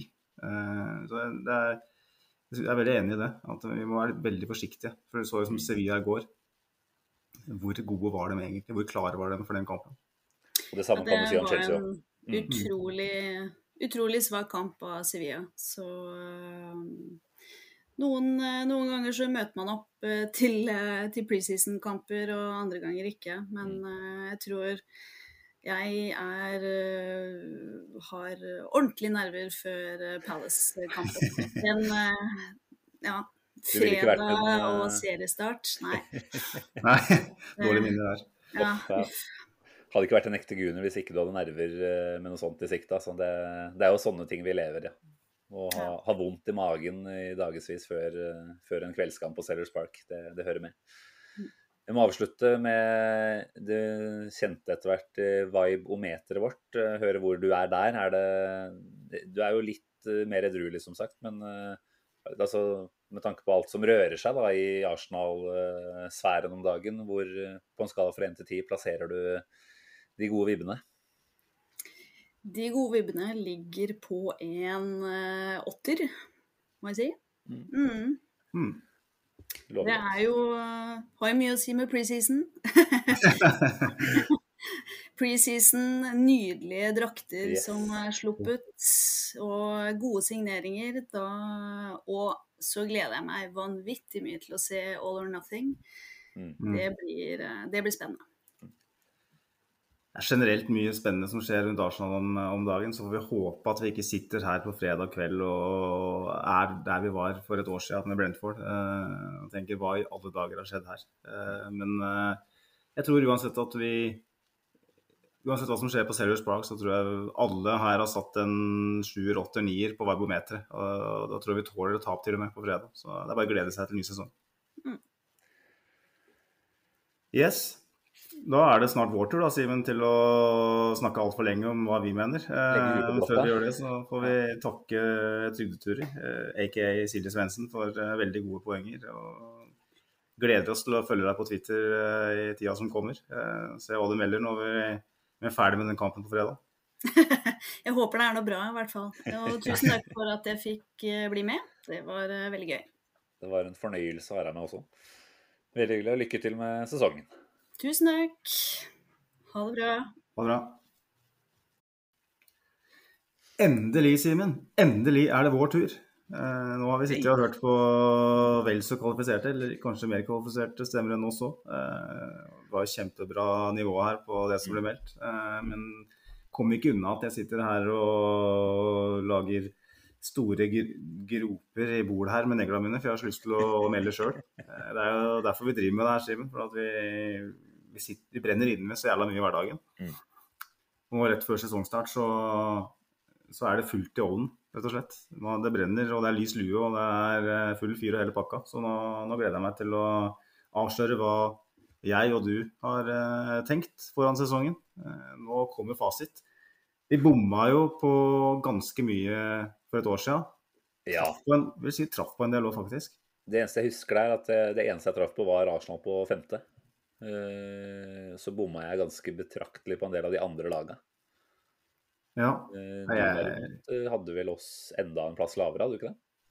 ja, jeg tror jeg hadde på sjette. Jeg tror jeg hadde Leicester foran. Så det er jo godt innsalg foran den uh, prediksjonspodden her. Men jeg tenker det er fint å være veldig tydelig på at vi sitter jo ikke her og later som at vi er eksperter. Altså, I hvert fall for egen del så er det jo synsing på et ekstremt eh, lavt nivå. Eh, men det er jo det på en måte som er vår, eh, vår rett da, når vi sitter der på vår egen podkast. Da har vi lov til å si akkurat det vi tenker. Det kan være så dumt uh, som det bare vil. Men uh, Mm. prøve å backe det opp med et lite argument her og der, så så kan det vel hende at det høres fornuftig ut til en viss grad, i hvert fall. Ja, og det, om man bommer, så, så, så er det ikke sånn at man nødvendigvis har eh, et dårlig resonnement. Jeg hadde jo et Nicolas Pepe som årets spiller i fjor, og det kan avsløre såpass eh, som at han ikke er der i år. Eh, men eh, vi kommer sikkert til å ha noen sånne gøyale poenger å se tilbake på om ja, ni måneders tid òg, når vi skal oppsummere den sesongen her. Så det skal vi prøve å få til, bare for de som hører på. at Følg med i Følg med podden fram til sesongslutt, så skal vi få så, ser vi da om, om vi har noe greier på det som skal skje. Um, skal vi bare kjøre i gang eh, på samme vis som vi gjorde med gjestene, Simen? At vi går rett på tabelltipset? Ja, og at vi da setter begrensningen på samme sted. For det er vel eh, både for egen del og lytterens del kanskje ikke så mye interesse for å gjette hvem som rykker ned. Altså, vi, vi snakker om at det er synsing det vi driver med her, og det ville i hvert fall blitt hvis vi skal begynne å mene noe om uh, lagene nedover på tabellen. Altså, Mm. har ikke fulgt med. Uh, jeg tipper at uh, ett av de nyopprykka blir, er det ikke stort sett sånn der. Så får vi se hvem det blir. Men utover det så tror jeg ikke vi gidder å ta oss tid til å, å mene så mye om det som skal skje under topp seks. Det høres jo overlegent ut, men, eh, men sånn er det å være nasjonal podcast. Mm. Ja, nei eh, Det hadde vært gøy å kjøre hele pakka, men det er noe med, noe med tidsbruken her òg. Så um, Simen, du er jo eh, den naive optimisten blant oss. Eh, hvordan ser topp seks ut, og hvorfor vinner Arsenal ligaen? Hvor starter vi, da? Da starter vi på, på bunn, bunn i topp seks, da. Ja, gjør gjerne det. Nei, jeg, jeg syns jo jeg ser antydning til at uh, United ikke får det til uh, helt det de hadde planer om. Uh, om de skulle lande en de Jong til slutten her, så, så er det jo mye som tyder på at han er heller lite motivert for å ta ferden til Manchester. Eh, tiltrekningskraften deres er liksom ikke Den er ikke det den en gang var, altså. Eh, Samme kan man egentlig si om Chelsea. Eh, du er vel nesten kommet dit nå at eh, altså Særlig Chelsea uten Abramovic-pengene, det er eh, det er ikke et mer sexy sted å dra til enn Arsenal. Og samme føler jeg med United. Eh, Arsenal er kanskje stedet, i hvert fall for en viss type spillere da, i en viss eh, fase av karrieren, tenker at det er det rette stedet. Det, det skjer så mye riktig der. Og Arteta som trener eh, tror jeg nå begynner å imponere flere og flere. Eh, måten han kommuniserer på har vi på en måte vært imponert av hele veien. Så nei, nå tenker jeg jo at både United og Chelsea sånn sett eh, vil slite. Eh, jeg er jo enig i det gjestene noen av gjestene har sagt. Nå husker jeg ikke helt hvem som har sagt hva, men eh, at uh, Chelsea ser ut til å ja, falle litt fra hverandre. Da. Det er jo en negativitet å spore i en del av det han uh, Thomas Tuchel har sagt nå i preseason. Uh, høres ut som det er en kortsiktighet der som de ikke har råd til. En Sterling på 5 pluss 1-kontrakt på 300 000 i uka. En Kolibali på fire år, eller? Nei, det er fem. Er det fem på Kolibali? Ja. Jeg tror Stirling er seks, er eller er det fem?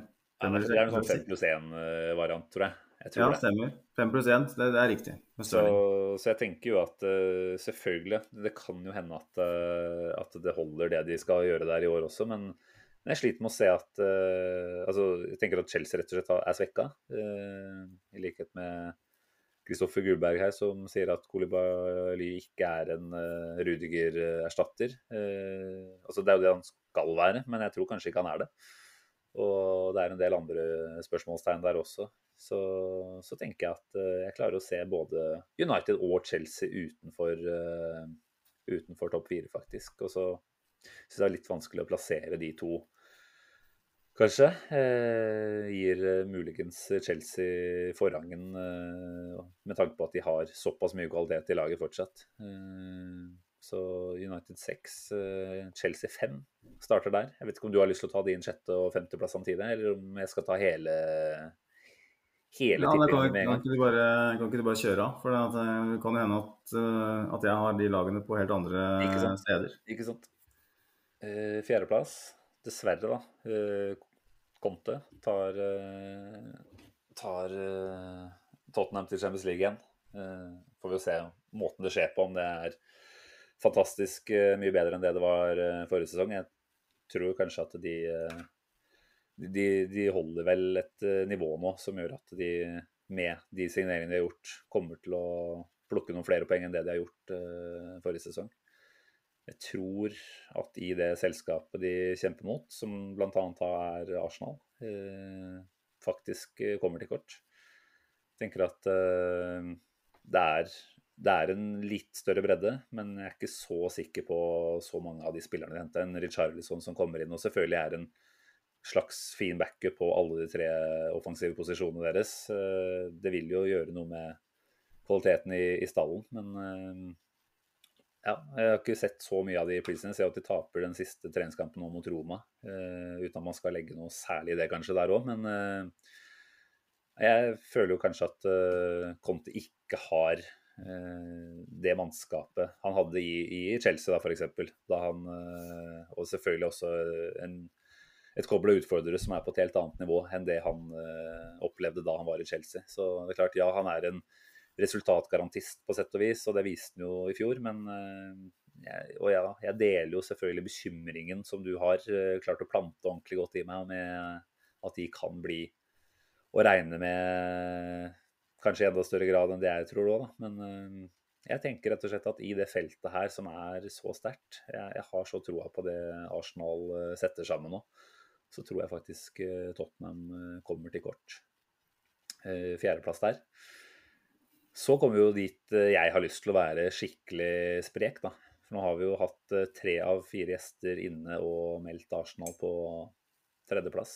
Og det er jo i utgangspunktet det ryggmargsrefleksen min eh, sier også. Altså det skal ikke være mulig å ta igjen 23 poeng på det Liverpool-laget her eh, på én sesong.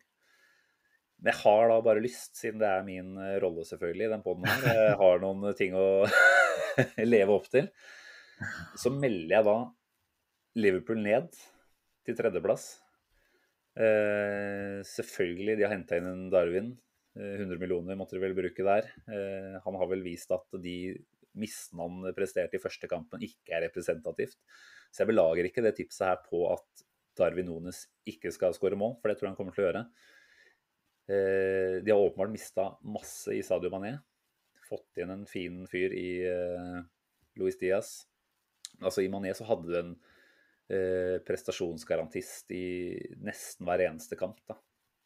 Og ja, det er sikkert fint å, å fornye seg og ikke la det gå ja, Ikke la det bli kjedelig, da. Altså Nå hadde han vel vært der i fem-seks år, og det kan godt hende at Mané hadde vært en, en svakere utgave av seg selv kommende sesong om han hadde blitt Liverpool. Eh, men, men jeg tenker at det er ikke noe garanti for at selv om de er jævla flinke oppe i Liverpool på å hente riktig type spillere og få de inn i systemet, og det er vel kanskje det som er det store clouet der, at de har et så godt system som, som man kjenner rollene sine i, da, og man vet hva man skal gjøre. og det, det er på en måte den logiske bristen her. eh, Når jeg allikevel da tenker at Liverpool fra sine 93 poeng i siste sesong Jeg tipper at de, de blir et hakk svakere. Et par hakk, eh, kanskje. Eh, Si at vi er på 83 poeng da, på, på Liverpool. Så du melder Arsenal eh, midt på 80-tallet her, altså?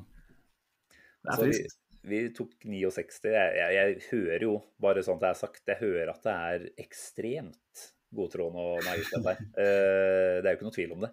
Jeg bare kjenner at jeg har litt lyst til det, for det er altså den følelsen man sitter med da, på Arsenals vegne nå, den, eh, den er det så lenge siden man har eh, opplevd. Selvfølgelig det er mange fallgruver. Det er for så vidt en ganske tynn tropp vi besitter fortsatt, selv om det nå på en måte er i hvert fall 15-16 ordentlig gode spillere her. Du tenker at uh, med en skadefri topp så er, så er det en benk som, som begynner å, å se skikkelig fyldig ut. Uh, men det er et eller annet med at ja, vi vet fortsatt ikke hva Arteta på en måte kan uh, skape. Da. Nå syns jeg vi så såpass mye positive utviklingstegn forrige sesong. Nå får han inn to eh, ja, Én åpenbar nøkkelposisjon, men jeg tenker også den måten han ønsker å spille fotball på, kontrollere, eh, ha eh, possession og ha kontroll fra, fra bakerst på banen. Den måten du kan få inn en Zinchenko der. Du ser ut til at en Saliba har tatt de stegene vi håpa eh, med disse utlånene, og kommer inn og, og sprer en trygghet faktisk allerede. Da. Eh, nå skal ikke jeg bli helt gæren her, men det er jo åpenbart lett å dra en eh, van Dijk-sammenligning der allerede. Mm. Nei, jeg, jeg syns at det, det Arsenal holder på med nå, det er så ekstremt spennende. Da. Og tror at eh, det er enkeltspillere som kommer til å ta noen solide steg eh, oppover eh, i riktig retning også denne sesongen. Noen har allerede nevnt Bukayo Saka. Så tenker jeg at her har vi enda mer i vente fra han. Jeg har sagt kanskje allerede på poden her òg, men i hvert fall i samtale med deg, at jeg tror Martin Ødegaard kommer til å ha en knallsesong. Jeg tror at både det som er bak han av eh, trygghet og ballsikkerhet, og det som nå ikke minst er foran han i form av eh, bevegelser og kreativitet og avslutningsferdigheter, gjør at eh, Martin Ødegaard kommer til å elske å spille i Arsenal denne sesongen her. Mm. Det er klart, får vi en god start, eller får vi en dårlig start, det kan være med å, å ha mye å si da, for, eh, for det videre som skjer. Nå er vi jo på mange måter, kanskje litt sett med unntak av åpningskampen, ganske heldige med den starten her. De første fem kampene, det skal være det skal være fire seire, egentlig. Det er et viktig Eh, poeng. Momentum er- er, en nøkkel der. ikke sant? Og jeg tenker at eh, nå er vi der da etter Ja, preseason er preseason, og resultatene er nå én ting, men jeg syns vi har sett en Det er et commitment og en sult i det, det den gjengen her har vist nå eh, i flere kamper. Og ja, selvfølgelig kan det være på grunn av at motstanderen har ja, nesten ikke brydd seg om å møte opp.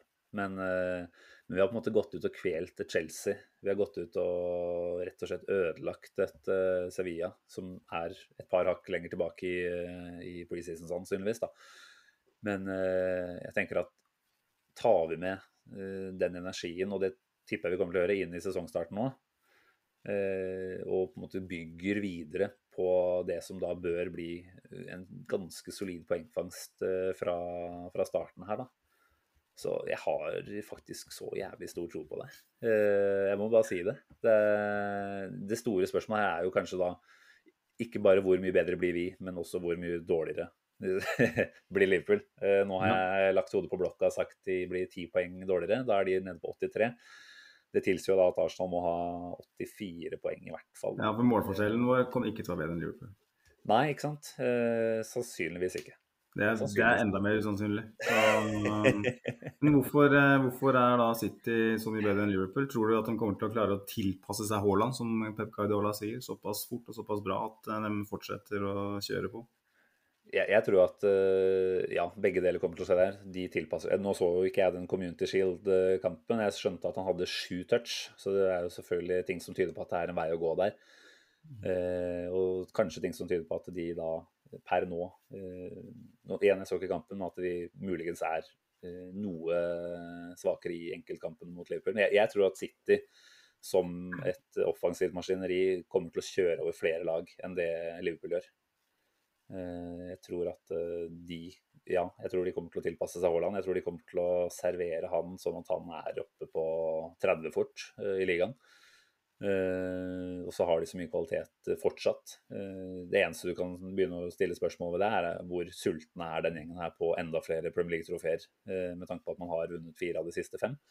Mm. Champions League den, den, har de selvfølgelig ikke fått på plass ennå. Så nei, det er, jo, det er jo som sagt Dette er bare vill gjetning, egentlig. Men jeg tenker at en målgarantist og en allround-spiller som Haaland på mange måter er, skal gjøre det City-laget her, om ikke veldig mye bedre, så i hvert fall kapable til å produsere ca. det samme i, i, antall poeng. Det tror jeg.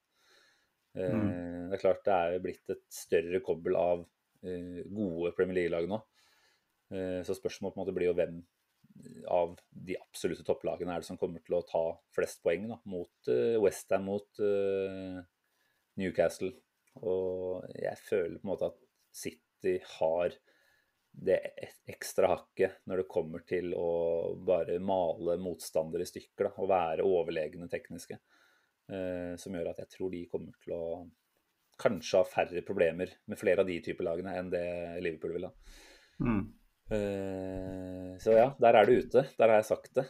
Eh, ja. Det blir sikkert noen uh, Liverpool-folk som smyger innom her og lar oss få høre det. Men, eller la meg få høre det. Tipper at du ikke er helt i samme gata som meg. Men altså, troa på Arsenal denne sesongen her, den er, den er veldig stor, altså. Det er selvfølgelig ja. Ting som kan skje, eh, som gjør at eh, ting plutselig ser annerledes ut.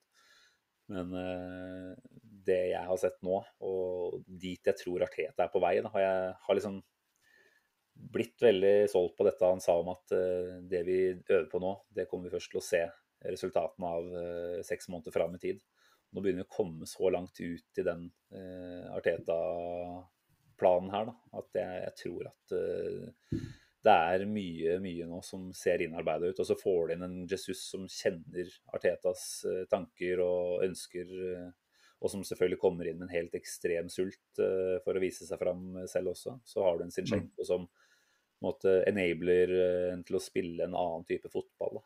Og jeg tror vi kommer til å være ekstremt mye mer dominerende i, i, mange kamper. Og det er liksom så mange veier fram til mål for oss nå. Nå er det noe med å igjen kveler motstanderne høyt oppe, men i tillegg så tror jeg med så mye bevegelighet og kreativitet uh, på topp, så skal vi også kunne klare å, å bryte ned disse litt uh, vanskeligere lagene som, som legger seg bakpå. Da. Så Mm. Jeg tenker Magnus, at det er din tur på å, få, å få meg ned på jordet igjen. For det, jeg hører at det, dette er jo ikke bra når det kommer til forventninger og, og liksom ha en, en liten uh, idé om at dette faktisk kan kunne holde til en, en andreplass. Altså den, den tredjeplassen som, som, har blitt meldt av flere her. Uh, det er klart at den, den, vil jo være en drøm egentlig i seg selv.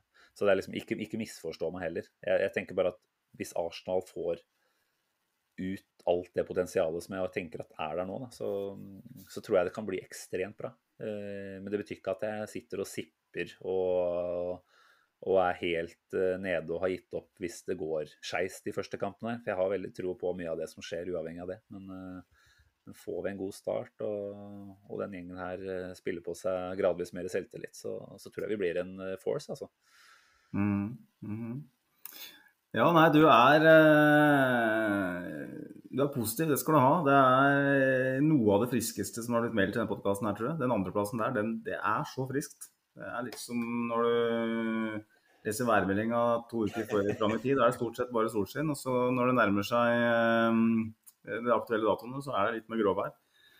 Så jeg er nok en av de som leser prognosene litt senere enn det du gjør. Eh, jeg ser litt mer skyer enn det du gjør, og det er ikke nødvendigvis noe med prediksjonene dine rundt Arsenal å gjøre. Det er mer kanskje, kanskje at jeg, jeg, deler ikke din oppfatning om rivalene, kanskje. Ja. Vi kan jo begynne på bånn for min del òg. Uh, der har Manchester United på bånn. Det, det, høres ut som det er en sånn egen liga. Det er superliga. Det er vel det som kommer til å skje etter hvert. At de seks lagene her forsvinner inn i en annen, uh, en annen type liga med andre store klubber i Europa. Men. United, eh, jeg hadde lyst til å sette Chelsea på sjetteplass, for at jeg, jeg, skal komme tilbake til dem. Jeg tror det Ronaldo-aspektet gjør at United blir nummer seks. Jeg tror det kommer til å bli så forstyrrende for Ten Hag. og det han skal bygge, at det kommer til å gjøre at det, det, det toget det sporer av før det kommer i gang ordentlig. Um, å ha en så stor forstyrrende faktor, også kanskje den største fotballspillerne gjennom tidene, hvis du tenker på um, Ikke nødvendigvis evner, men hvilke rekkevidde han har som eh, profil. Uh, også det, det, er helt enormt. Det er, vel, er, er ikke han den enkeltpersonen i verden med flest følgere på Instagram eller sånn? Han skal da stå i veien for eh, det han prøver å bygge en, en, spiller som ikke passer inn i det han prøver å gjøre. Eh, Ten Hag ønsker å stå høyt, presse, dominere.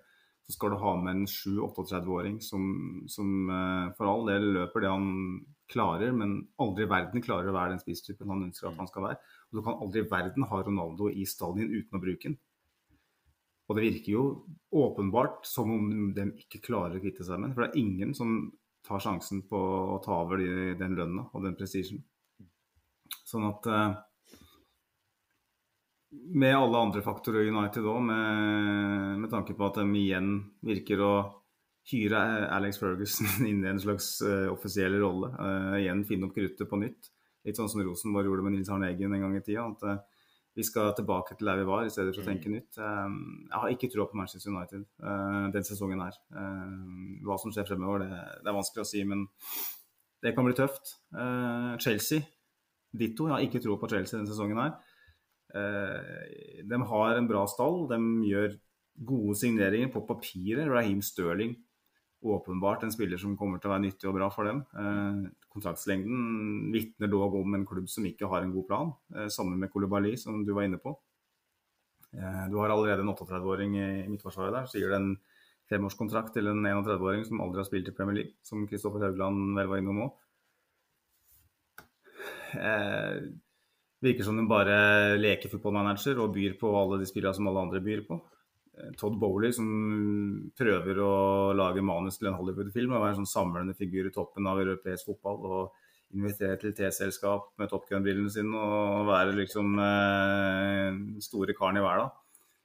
Eh, for meg så virker det som det er altfor lite plan. Det er som du sier støyete eh, rundt Tussel, eh, rundt eh, enkeltspillere. Eh, en Timo Werner nå som man ikke vet hva som skjer med. Eh, du har fortsatt ikke den spissen på plass kan godt, godt hende at jeg tar grundig feil, men jeg tror de havner utafor topp fire.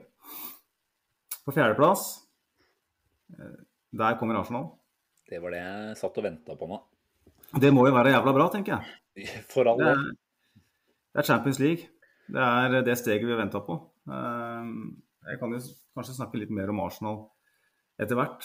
Eh, men jeg har lyst til å forklare hvorfor jeg tror Tottenham blir nummer tre. Mm. Det er ikke så veldig Eureka åpenbart eh, kontroversielt, det jeg melder nå, men uh, Son og Kane uh, Hvis Conte klarer å dyrke dem sånn som Silje sa, uh, så er det 20 mål per, per pers der.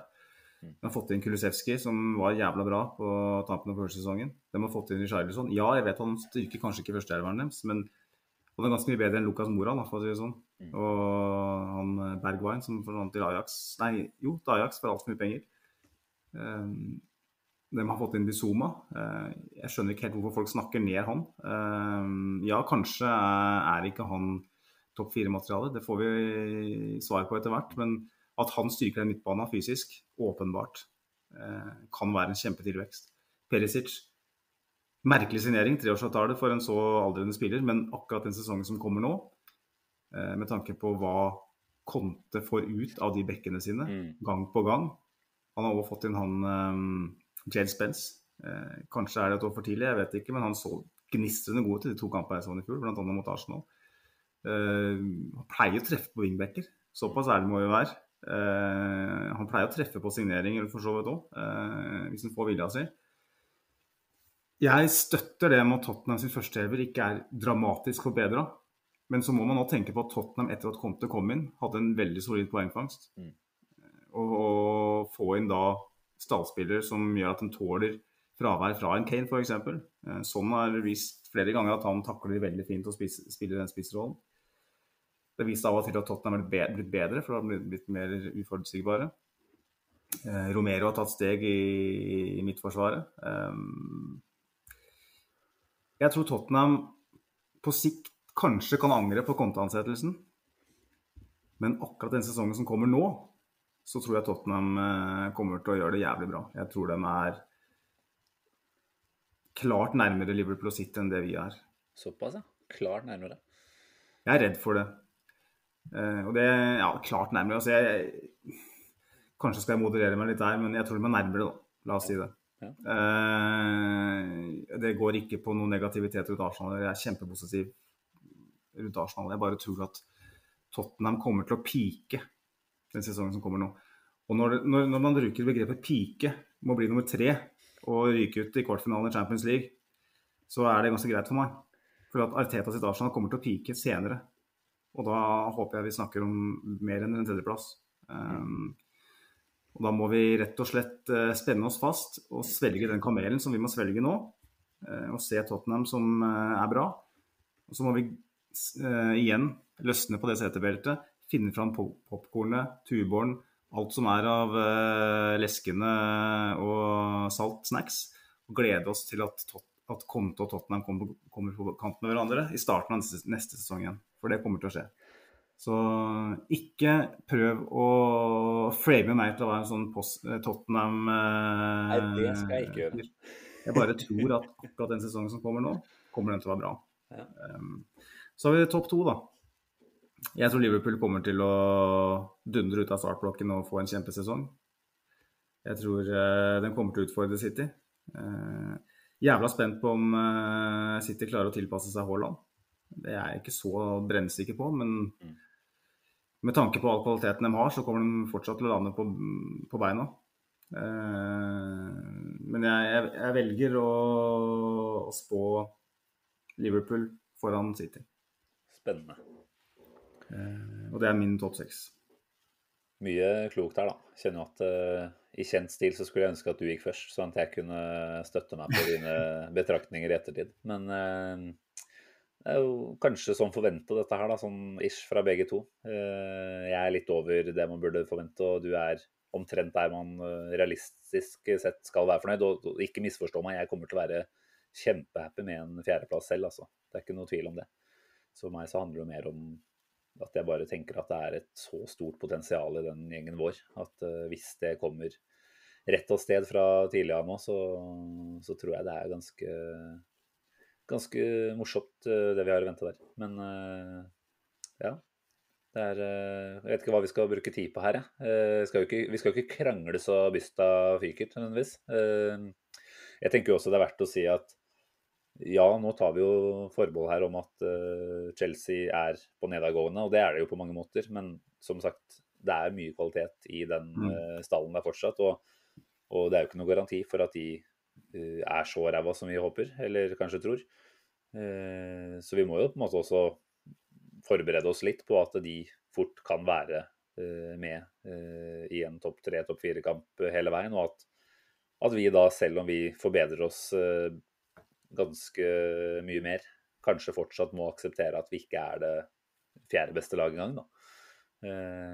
Så jeg tenker at her blir det liksom noe med å se, se hva vi har av klima rundt oss. Det får vi sikkert ganske fine svar på nå i løpet av de første fem, seks, syv rundene. Mm. Vi kan godt ta nye tabelltips etter det, så kanskje det er litt ja. mer informert. Men jeg bare tenkte nå, nå, fikk ikke jeg sagt så veldig mye om Arsenal, for jeg følte at det var naturlig å forklare hvorfor eh, lillebror var foran. Eh, men eh, det positive har for så vidt du oppsummert veldig godt, og gjestene våre òg. Men altså Jeg er bekymra for en del ting. spesielt litt sånn som Kristoffer Haugland sa, Thomas Partey. hva skjer hvis han er ute i en periode? Er vi, er vi rusta for det? Um, når han spiller, så tenker jeg at vi kan, vi kan slå hvem som helst. Mm. Så, så, sier folk at ja, men alle lag vil jo være uh, svekka av å miste en så sentral brikke. Akkurat som Liverpool ville vil være ja. svekka uten en van Dijk. Men Thomas Party er skadeforfulgt. Mm. Han har mista fryktelig mye fotball. Uh, logikken og historikken tilsier at han kommer til å være en del skada. Kommer til å være en del ute. Jeg er fryktelig usikker på hvordan man løser det. Det kan godt hende at som vi var inne på tidligere, at det jobbes veldig godt med det internt. At de har en veldig god plan. Det er rart om de ikke har det, men samtidig Vi har jo bare den, de faktaene her på bordet. Og for meg så er det en stor bekymring. Um, hvis han skulle være ute i ti-tolv kamper. Og da, da, kan vi, da, kan vi, fort um, falle ned i Chelsea United-sjiktet, for å si det sånn. Det hørtes jo ikke så ille ut egentlig sånn, uh, på overflaten, men uh, det, er en, det, er en, reell uh, bekymring. Og så tenker jeg at hva er det Arsenal-laget her laga av når vi går inn i, en, i tellende kamper? For at nå har det tekniske nivået blitt heva veldig i, i, laget. Sinchenko og Gabriel Jesus det er to spillere som bare går inn og umiddelbart styrker førsteelveren. Mm. Eh, men eh, det man spilt i et City-lag som stort sett står og triller ball foran 16-meteren og styrer matcher hele, i samfunnet 90 minutter, hva skjer når vi kommer under flomlysene på, på Selhurst, eh, f.eks.? Eh, er, vi, er vi klare er vi, Det tekniske nivået er alltid viktig, men det mentale Det, mm. det laget her som knakk sammen eh, på slutten av fjorårssesongen. Men var den litt tidlig, tenker du? Altså Ja, det, delvis må vi kunne si at det var det òg, men altså, det var jo en slitasje på den gjengen der. Altså, det var skader, det var uh, folk som hadde blitt kall det overspilt uh, gjennom sesongen. Da. Selvfølgelig så mm. var det de siste to-tre kampene bare, og du skulle på en måte fått en helt annen uh, ja, kall det en annen uh, innstilling til det de holdt på med. Men, men, det var jo en sliten gjeng, og, og det var jo ja. kanskje også et par Arteta-valg eller grep der som må tilskrives litt av, av skylda der. Da. Så kan man jo selvfølgelig også ta med han inn i den mentale vurderingen der. Mm hva, hvor mye har Arteta utvikla seg eh, på det taktiske. Vi vet jo at han er en taktiker, men altså, det må ta de rette valgene. Eh, gjøre de nødvendige endringene underveis i kamper hvor man sliter. Eh, det er jo et kjempeviktig mm. poeng inn i den sesongen her, eh, hvor vi er avhengig av selvfølgelig enkeltspilleren ute på banen som kan gjøre en forskjell, men at, eh, at en trener fra sida har evnen til å, til å, snu kampbilder og underleger, det, der må vi jo se en forbedring. Ellers så kommer vi aldri til å være i nærheten av det jeg drømmer om, i hvert fall. Nei, og det, det er et kjempeviktig poeng. Eh, jeg stiller jo Jeg sier jo ikke at jeg, at jeg tror at vi, vi, kommer til å, å, slite på bakgrunn av, av det mentale, sånn som jeg, som jeg sier. Eh, jeg bare stiller spørsmål, for vi har ikke sett enda at vi har det inne. Det var vel Silje så vidt inne på. Eh, vi, vi, spekulerer på en måte litt i det. Yes. men akkurat det du sier med, med coaching, da. Nå går vi inn i en æra med, med fem bytter. Umiddelbart, hvis man skal se det fra utsida, så, så, vil man jo tenke at, en, at, den manageren som slet mest med å snu kampbilder, Eh, fra før. vil slite enda mer når, eh, når, det blir enda mer å gjøre. Eh, det blir stilt enda større utfordringer til det. Nå, jeg, nå spiller jeg djevelens advokat her, det vet jeg. Så jeg stiller deg spørsmålet. Er du, mm. er du i det hele tatt bekymra for at det kan spille Arteta enda mer ut, eller tror du at han kan utnytte det med den stallen etter hvert nå får? Da? Nå er det jo flere kort å spille på. Ja, jeg tenker at det er, det er, flere kort med større kvalitet, og det er enda flere hans kort. Han har valgt den stallen her nå snart helt uh, ut ifra egne ønsker, da. Uh, så jeg tenker jo at uh, Arteta kan alt han, han trenger om fotball, egentlig. Men så er det noe med å faktisk evne å både kommunisere det tydelig nok underveis når det, når det blåser som verst, og, og, ha de planene som faktisk da funker i ulike scenarioer. Jeg tror at han også skal vi si, tar, tar eh, et steg til i eh, utviklinga si.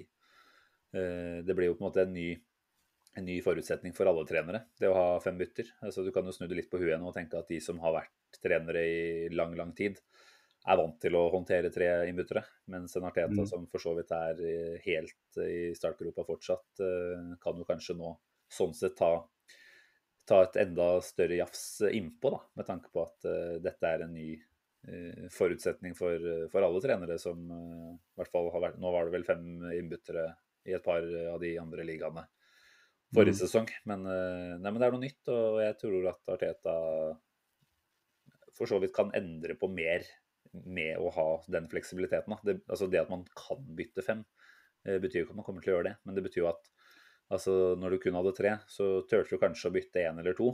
Eh, fordi du tenkte at det var greit å ha noe på lager til slutt uansett, i verste fall.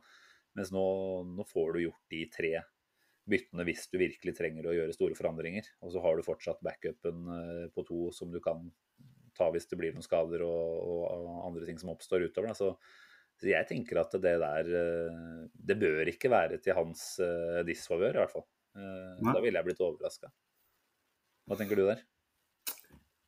Det er veldig vanskelig å, å, si, selvfølgelig. Men hvis vi husker tilbake til uh, de første månedene hans i managerstolen, når vi til dels taktisk uh, utmanøvrerte både City og Chelsea i den FA Cup-runnen.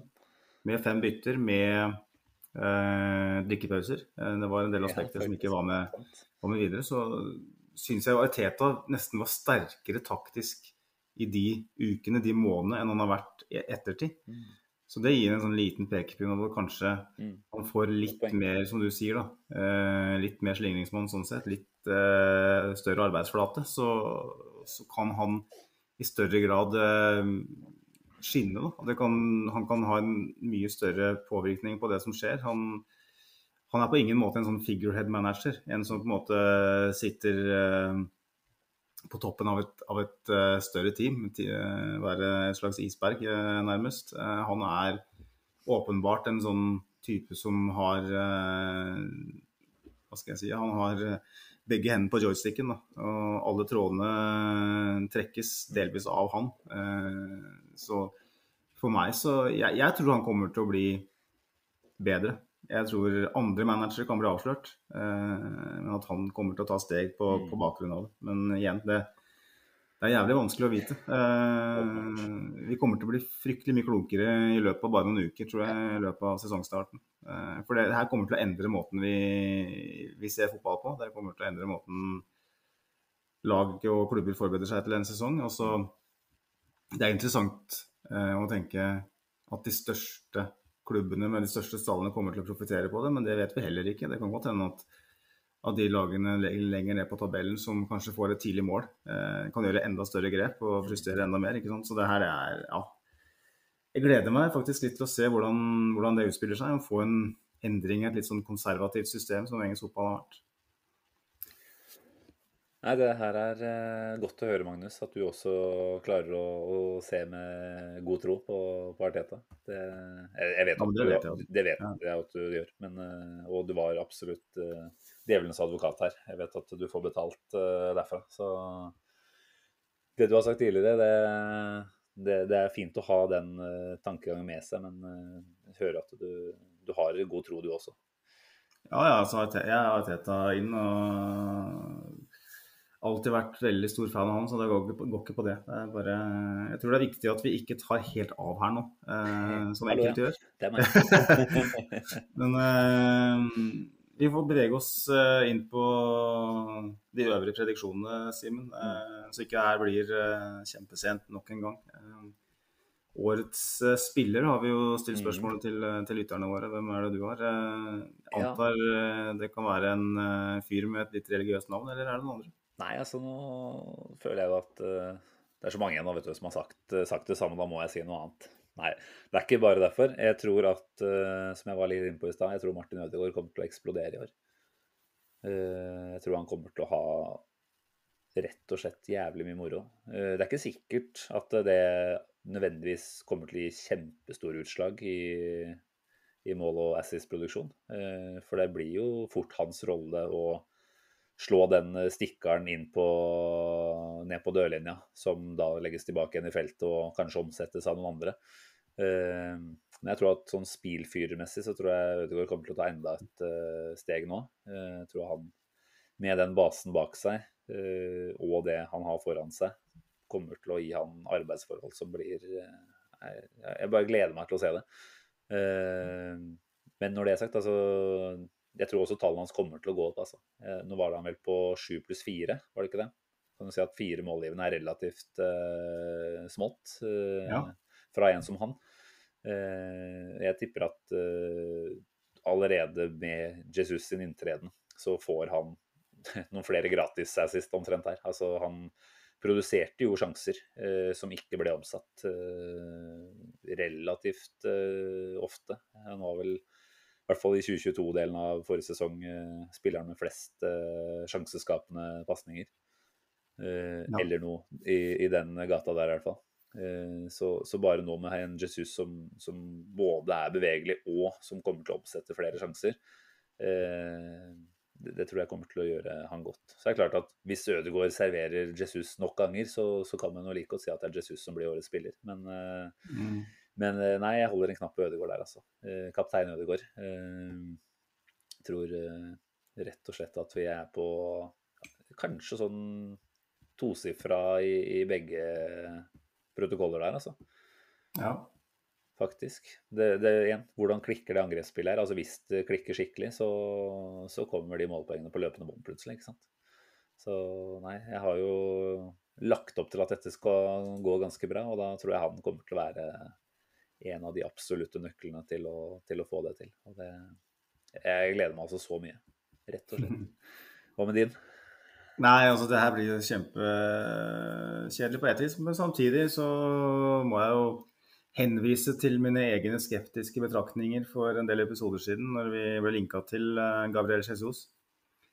Eh, Jeg var en av de som var litt betenkt. Jeg tenkte er det egentlig den typen vi ønsker oss? Er han eh, dynamisk nok? Har han nok Er han fyren som skal Hvis vi tar utgangspunkt i måten vi har spilt på, eh, den som har allsidigheten i boksen til å gi oss nok mål. For at eh, kan godt si at sånn spillemessig så er han passer han som hånd i hanske. Han kommer til å, Uavhengig av rolle så kommer han til å være en kjempegod spiller for Ariteta, men han kommer til å skåre nok mål. Det er jo det som har vært det store spørsmålet. Mm. Og så har jeg sett nå i preseason, nå har jeg ikke sett så veldig mye, det må jeg innrømme, men eh, jeg har jo sett alt av høydepunkter. Jeg så den Sevilla-kampen nå blant annet, og dæven klaske. Mm. Han lukter jo skåring, vet du. Men han, han ønsker å skåre mål nå. Det Mm. syns jeg er en sånn betraktelig endring eh, tilsynelatende. Altså, Mm. Det var vel et poeng som Jeg husker ikke helt hvem som dro det opp, men uh, hvor du måtte en poengterte at uansett hvor mange mål han skåret i City, så vil han uansett være bak Aguero i neste kamp. Eh, Så rollen hans ble på en måte ikke målskårer uansett, for den var allerede besatt av Sergio Aguero. Men nå Mm. tenker jeg at han kommer inn, ikke for å ta over årets spillerpraten din, men eh, kommer inn her og gir meg litt sånn eh, Ian Wright-vibber, rett og slett. Altså. Han, mm. han dukker opp, eh, og han er så sulten på å score, da. Så Nei, jeg tipper han kommer til å gå glatt rundt 20. Ja, da snakker vi selvfølgelig ligaen. Og øh, ja, det Jeg føler at det er nesten litt sånn uh, hyklersk av meg å utnevne han til årets spiller nå på forhånd, med tanke på det jeg har sagt tidligere. Men jeg hører mange andre forstå seg på året som har uh, podkaster med langt flere lyttere enn oss, si akkurat det samme. At her, her er vi rett og slett blitt konvertert til Jesus, hele gjengen. Altså Fyren er altså så god eh, i boksen. Altså, det er, du sa Ian Wright, jeg sier Aubameyang. Den, eh, den der første preseason-kampen nå er to-tre uker siden, eh, det var en fredagskamp, jeg husker. Han skårer den på bakerste stolpe der og bare banker den opp i nettaket. På en corner var det var en dødball. Det var så Aubameyang som var mulig å bli. Blant, og I tillegg den der han hadde nå mot Sevilla, var det tredje målet hans. I boksen der. Liksom, Den cornerne, ja. ja, når han liksom klarer å følge opp der og få foten på den, og ikke minst få god kontakt med ballen. Det er ikke en sånn Kaster ikke ballen sånn håper, Han kaster ikke beina håpefullt fram. Han gjør det teknisk briljant. Sånn at hvis den treffer, så går den inn. Mm. Eh, Jeg har, ikke, jeg har ikke sett Altså, jeg har sett ganske mye City. Jeg, jeg må si som mange, mange andre har sagt, jeg har ikke sett den Gabriel Jesus i City som jeg I hvert fall ikke de siste to åra, som jeg har sett i Arsenal nå i preseason. Og igjen, det er preseason. Men eh, noen ganger så får du bare en hunch, altså. Mm. Og den hunchen har jeg fått på Gabriel Jesus. Og det er derfor jeg bestilte meg drakt her òg, med en annen på ryggen.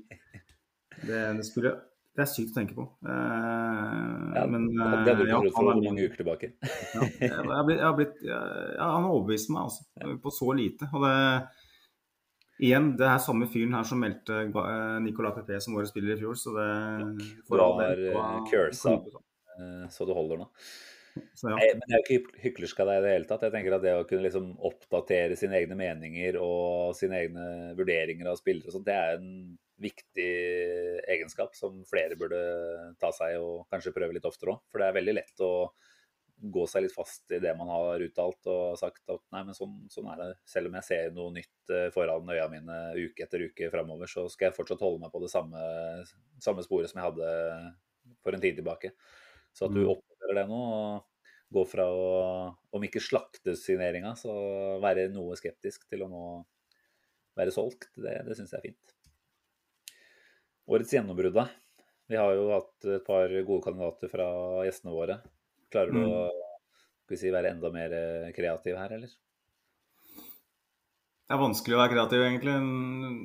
Fordi at det er liksom ikke så veldig mange å velge blant eh, sånn fra akademiet, føler jeg. Eh, Forsvant jo han eh, Hutchinson. Hutchinson, ja, allerede. Til Chelsea, så og han er uaktuell. Um, og så ble en Saliba nevnt her. eh, så er jeg litt sånn usikker på er det, er det, er det greit. Uh, Jeg tenker han har han- vært årets unge spiller. Ja, men han kvalifiserer jo til et gjennombrudd med tanke på at han ikke har spilt i Premier League. Ja. Jeg syns det er glatt innafor. I så fall så er jeg ikke i tvil. Mm. For det, det er det jeg vil avklare her. Ja.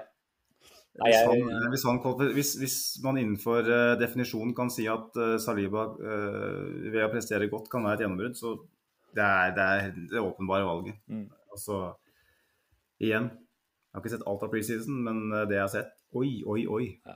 Eh, og det bare s- altså, Det alene er ikke nok. Men når du tar med i betraktningen det man har lest, og det man har hørt, og det lille man har sett fra før, det bare bekrefter det. Mm. Dette her er en helt spesiell fotballspiller. Mm. Dette er en 21-åring som uh, spiller med en ro til en 30-åring. Uh, han har fart, han har fysikk. Han har uh, enorme kvaliteter med ball. Eh, progressive pasninger. Nesten på ryggmargsrefleks.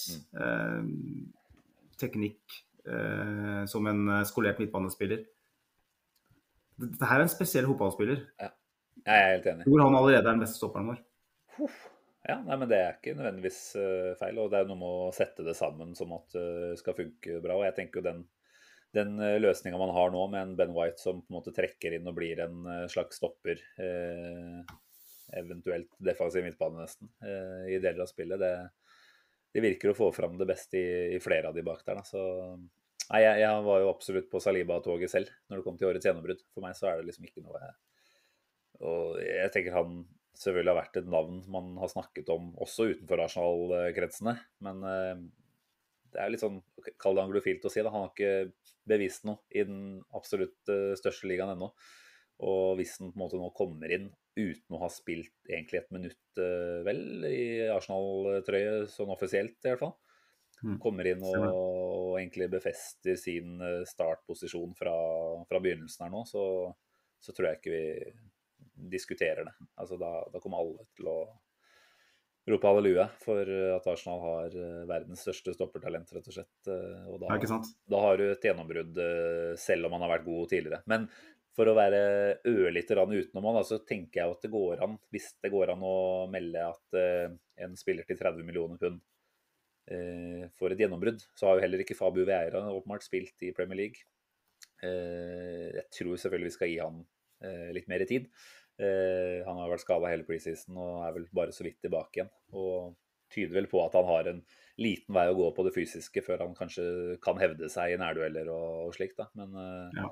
man leser jo og hører mye om eh, Fabio Vera som tilsier at vi også der har en helt spesiell fotballspiller eh, å, å kose oss med snart. da. Eh, veldig spent på hvor man på en måte ser for seg å, å putte den inn. Men hvis det er såpass fleksibelt der at han kan både spille en høyre og venstre åtter, han kan kanskje være en, eh, en eh, innoverkant både, ja i hvert fall fra høyre, da. Eh, Så tror jeg vi kan se mye, mye moro der også. Eh, Så bare for å nevne et navn til, da. eh, Siden du tok Saliba først, så, Ja, men det er bra. så har vi, da har vi to. Men eh, Saliba er den åpenbare, helt klart. Ja, er, um, For å avslutte det, så må jeg si at um, jeg gleder meg nesten mest til akkurat det, å se Saliba eh, i Premier League. Jeg gleder meg skikkelig til. Det, det blir så fett. Eh, Og når, nå så jeg Chelsea var linka til han eh, Fofana fra Leicester, og de krever en 70-80 millioner pund for han, som er vel bak eh, Saliba i landslagskøa. Um, Skada, da. Han har vært skada lenge. men, Men, men jeg, eh, jeg, jeg tror jeg, altså, Hvis han har vært 70-80 millioner pund, så er ikke eh, Saliba verdt noe mindre. Nei, nei, nei. Bare for å si det. Da, da snakker vi da snakker vi talent. Det er jo nettopp det som er fantastisk her. Vi betalte vel var det 27 eller noe sånt eh, Ja. for tre Det er tre år siden. Det er jo Mm. helt eh, ellevilt. Men, eh, men når du på en måte ser på hvem Saliba er blitt i dag, da, og den prisen vi da egentlig nesten er i ferd med å ha nedbetalt allerede, eh, så er det en ganske heftig overgang. og Det er jo helt nydelig at det endte opp på den måten der, og det tror jeg vi igjen skal tilskrive Arteta og gi han en del av æren for, selv om han selvfølgelig også har gjort et valg der som ikke nødvendigvis har vært pro Saliba tidligere, så tenker jeg at han nå har kommunisert med Saliba på en sånn måte at eh, han er med på dette her, han også. eh, all in. Mm. Og han er det godeste Marseille-presidenten kom til London og dro på middag med agenten til Saliba og reiste hjem igjen med Nuno Tavares. Så fint. Far Farmerklubben vår eh, leverer. Nei, men eh, jeg tror vi har mye gøy i vente her. Litt eh, stemmeproblematikk er det også fortsatt, så vi må begynne å tenke på å nærme oss slutten her, Magnus. Men eh, årets skuffelse, da. Eh, det, det er jo Jeg har ikke lyst, egentlig. Men eh, når du titter gjennom den gjengen på, på lagoversikten, så er det jo ja, Det er ikke så lett å finne navna som du tenker at du både har forventninger til, og du kommer til å kunne bli skuffa av. Altså Cedric Suárez kommer ikke til å være fantastisk god denne sesongen her. Men jeg forventer ikke heller, så jeg kan ikke bli så jævla skuffa. Eh, hvis han blir plukka inn igjen, så er det jo på en måte Arteta sin feil, da. Eller sitt ansvar. Så det er vel ikke der vi nødvendigvis eh, lander på årets skuffelse. Nei, altså det er et litt åpent spørsmål òg, da. Eh, som vi nevnte i, i kontakt med lytterne her. og For meg så Nå er jo ikke overgangsvinduet stengt, da. Men jeg tror årets eh, Jeg tror Jeg føler at årets skuffelse kan bli eh, mangelen på et alternativ til Thomas Party, er det lov å si det? Eh, manglende det evne. Det er. Ja. Nei, men jeg tror det Ja, men altså Nei, men det er viktig. Det er viktig. At? Jeg tror det. At eh, nå har vi gjort det vi, måtte, vi skulle ha gjort for et år siden. I hvert fall kanskje to år siden, i hvert fall ett år siden, med å få inn, en, eh, få inn et fullgodt alternativ til Kieran Tierney. Vi er i samme situasjon med Tommy Yasu, for så vidt, men der har vi fått inn Sauriba, ikke sant. Eh, sånn at Ben White kan spille høyre back. Eh, Da er den floken løst. Men den sekserrolla, den floken der er ikke løst. Og, så, du kan jo godt si at Thomas Partey kan bli skuffelsen hvis ikke han klarer å holde seg skadefri. Eh, så da er det både en enkeltspiller og en mer situasjonsbetinga greie. Så det, for at jeg føler at det er nesten eneste som, eneste som står i veien. Har vi han på plass i, i, i den rollen, eh, så har du alternativer nesten i alle andre posisjoner, føler jeg. Eh, så det er det jeg frykter mest. Hva tenker du? Nei, altså Hvis man skal tenke sånn helt enkelt altså Jeg støtter jo mye av det du sier her. Eh, hvis man igjen skal tenke litt mer enkeltspiller, så, så har også jeg tenkt eh, at Tierney blir fort eh, den vi nå kanskje begynner å se at fader ut da, av, eh, av Arsenal-troppen, egentlig. Fordi han kom, altså ja, VM-pausen kan hende at kommer beleilig på en måte for hans del. Da. Det blir faktisk en ordentlig pause som gjør at han kan bygge opp igjen form til andre halvdel av sesongen. Men eh, hva han tilbyr eh, av kvaliteter som på en måte gjør at han vil trumfe en Zinchenko i, eh, i eh, en større andel av kampene, det, det tviler jeg litt på, i Artetas øyne. Eh, selvfølgelig så handler det om hvordan man eh, setter opp den treeren på midten også. Eh, du kan selvfølgelig ha Zinchenko der, og da putter du gjerne tiden inn, da.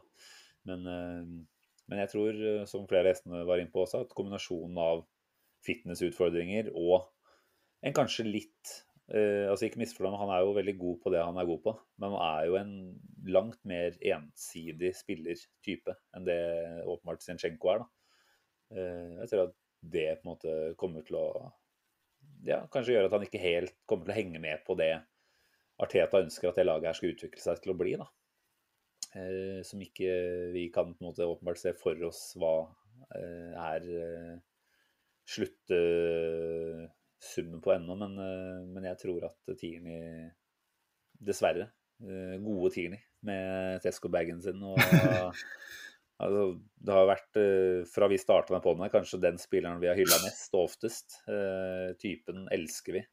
Spilleren elsker vi på mange måter også når han er fit, men den, ja, den hønen vi måtte plukke med han nå flere ganger om å ikke evne å holde seg skadefri, den, den blir det veldig interessant å se hvordan hvordan han uh, ut, ja, tar nå den utfordringa der. Jeg, jeg, er veldig mm. skeptisk, dessverre. Og jeg ser jo at det er mange som snakker om at Tavares eh, på lån nå uh, betyr at man tenker at han skal selges, men man må ganske tydelig på at det skulle ikke noe klausul som innebar noe salg eller noe kjøpsopsjon. Atalanta ville jo ha det. Arsenal vil helt tydelig ikke ha det. Det er godt mulig at det betyr at man langtidsplanlegger for en en mulighet da, eh, til å heller ha han som en, eh, en annen type back, eh, back, backup-back-løsning. Så nei, dessverre så, så frykter jeg at tieren liksom blir enkeltspilleren vi nå kanskje i, litt mindre grad kommer til å forholde oss til. Men det finnes òg en mulighet for at Kieran Tierney i større grad finner en rolle i Arsenal som vi alle kan være mer komfortable med òg. I det faktum at nå kommer det inn en som åpenbart kan eh, være både et soleklart førstevalg, men òg en spiller man kan rotere med. Mm. Eh, så man kan i større grad velge og vrake ut ifra kampforløp, motstander. Absolutt. I noen uh, type kampforløp så vil Kieran Tierney være mer nyttig enn en uh, Zinchenko. Tierney er mye bedre én mot én defensivt mm. enn uh, Zinchenko. Han er en litt mer, uh, hva skal jeg si, ja, klassisk back som kommer seg rundt på kant og slår et innlegg. Um, så jeg, jeg, tror er, jeg, tror det er, positivt for Kirin Tierney at vi får inn Sinchenko. Ja. ja på, på, ulike måter, kanskje. Jeg så faktisk en statistikk som uh, viste at Sinchenko ikke hadde dårligere tall, i hvert fall på én mot én defensivt. Det var vel Sky Sports som hadde den. Uh, jeg husker ikke, så jeg skal ikke, skal ikke nødvendigvis henvise altfor hardt til den. Men det er iallfall Mitt inntrykk er at uh, Zinchenko har litt utfordringer der, mens Tierney han er ja, uh, har en av sine forskjeller der. Uh, det er igjen basert på egne erfaringer. og jeg, jeg, er jo en av de som er mest fornøyd med Zinchenko-signeringen. Jeg, jeg, tror han kommer til å bli en helt fantastisk spiller for Arsenal. Mm. er oppe og nikker med Gabriel Jesus-signeringen for meg, og vel så det. Eh, men jeg, jeg tror Kieran Tierney han trenger eh, avlastning. Mm. Så spørsmålet er om han hva skal jeg si, ja, med tanke på sin egen karriere og mentalt er forberedt på å være mer en rotasjonsspiller. Mm. Fordi at det er jo også sånn at jeg ser for meg at Zinchenko fort kan spille en del på midten nå, når begge de er fit. Og da, da er det en klar rolle for Tierney i, i laget. Men vi tåler endelig at Kieran Tierney blir skada. Og det har vi ikke på noe tidspunkt vært eh, i hans tid i Arsenal. Så for meg så, så gagner er Tierney mer enn det svekker hans eh, rolle i laget. For at ingen, altså, alle er så ferdig med Kieran Tierney som, første, som en ubestridt førstevalg. For at vi har alle sett hva det fører til. Eh, nå kan han på en måte velge å omfavne en litt annen type rolle i, i laget. Um, eller så må han da søke nye jaktmarker. Og med tanke på historikken, så tror jeg ikke det er så mange store klubber som står i kø for å hente heller. Nei, men det finnes jo noen pengeglade klubber som fort kan Jeg tenker jo at Newcastle eh, fort ville kunne sett noe. Henta de ville han Matt Target i fjor, så det er ikke sånn at de skal oppgradere med en gang der. Men eh, jeg har begynt å se for meg at man kanskje planlegger for at Tierney kan Man tåler å selge han da, eh, når vi kommer til neste sommer. Ja, ja, og det, det, det tror jeg fort kan skje, for all del. Men um, mm. Nei. Det her bedrer venstreback-situasjonen. Absolutt. Altså At det er til fordel for Arsenal på alle måter, det er det jo i hvert fall ikke noen mm. tvil om. Eh, men igjen, det var, det var, ikke så lett sånn sett å finne en enkeltspiller man på en måte ser for seg at man kan bli skuffa av. Eh, det er jo gledelig. Mm.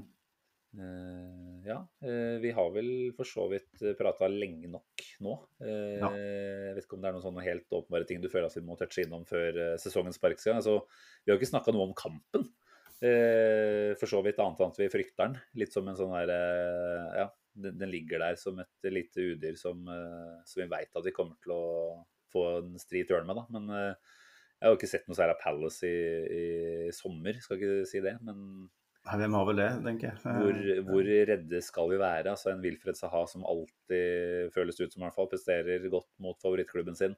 Er det sånn at man ser for seg et, et 0-1-tap, og Saha skårer eh, i det 79. minutt eller sånt på straffe?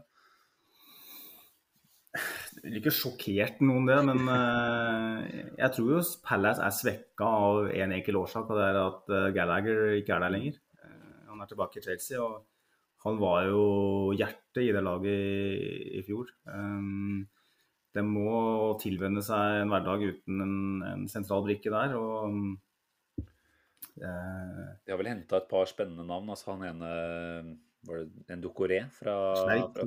Doucouré, Men det er klart det kommer rett fra ligaen. Det er ikke nødvendigvis gjort i en uh, håndvending, det å bli tilpassa ny liga da. Nei. Jeg er, mer, jeg er mer redd for anledningen enn jeg er for Palace. Jeg er mer redd for flomlys av Selhurst. Første serierunde, første kamp selvfølgelig. eh, med hele verden som eh, følgere. Altså, Ja. Det er jo det der med igjen å starte først, ikke sant. Det er ikke en sånn kamp som gjemmer seg i firetida som uh, sju andre kamper. Uh, Det er, eh, denne kampen her kommer alle til å se på. Men har vi ikke måte, to ting ganske friskt i minne som kan også være til vår favør? Altså, ja, det var Brentford i fjor. Den anledningen uh, var jo mye føss rundt i forkant, altså nyopprykka lag og alt det der. Og så fikk vi covid-problemer. Mm. Det var åpenbart en stall som ikke var på det stedet den skulle være, kontra nå. At man har den anledningen. Man har, det er kanskje fælt, litt rart å si at man skal bruke den 3-0-tapet der mot Palace, som vi også hadde da ganske Ja, det var, når var det? Eh, I februar eller noe sånt.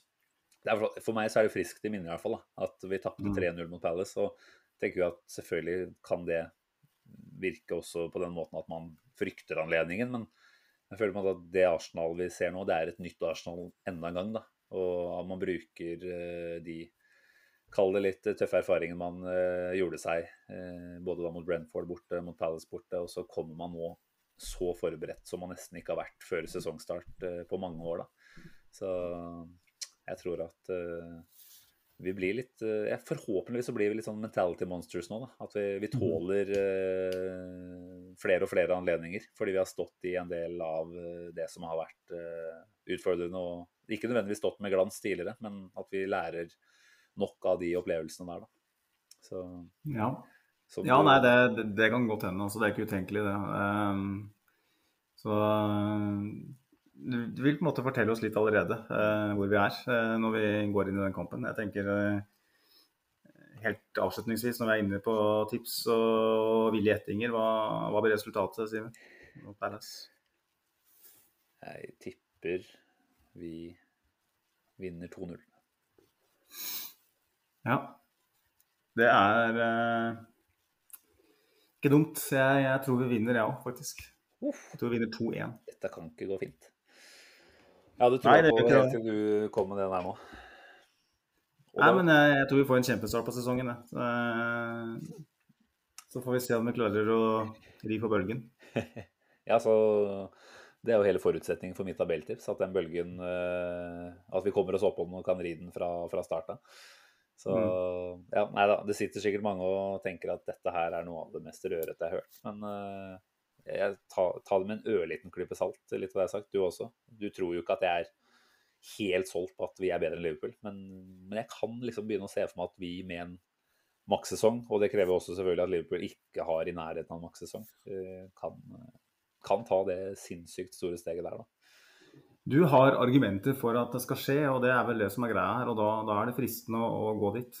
Eh, Jeg sitter kanskje ikke med de samme argumentene inne, og da, da tør jeg heller ikke gå dit. Eh, Jeg Mm. føler at det må mer til enn en, eh, at Arsenal får en markant bedre sesong. Jeg tror Liverpool kommer til å ha en kjempesesong. Jeg tippa dem som seriemester, så det, hvis jeg er foran dem, så lover det jeg får jævlig godt. Det blir helt jævlig å se tilbake på det her om noen måneder, men eh, vi skal stå i det. Eller jeg skal stå i det, så får vi se hvem av oss som har truffet best. Eh, apropos den eh, kampen på fredag, eh, den skal jo ikke vi prate om sammen. For jeg tar meg en ørliten eh, miniferie og blir borte noen dager der. Så eh, vi får se litt hva du klarer å stelle i stand. Skal ikke love noen ting, men veit du at du kommer til å ha behov for å si et eller annet når klokka har bikka 11 på fredag kveld? Ja, da har jeg kjempebehov, så vi får se hva vi får til. Jeg, har, eh, jeg skal være på, rett på Hardangervidda etter, morgenen etter, så da blir det ei uke uten uh, noe kontakt med omverdenen. Så da bør jeg kanskje få tømt meg før jeg havner på vidda. Det er ikke sikkert jeg kommer hjem hvis jeg ikke får tømt meg. Nei. Nei, men vi satser på at uh, du finner ut av det på en eller annen måte. Det er vel sånn det er, det.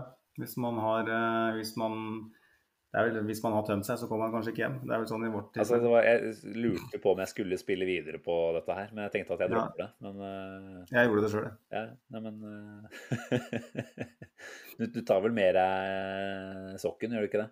Så er det muligheter for tømming. Ja, Håpet er jo noen feitinger, nå.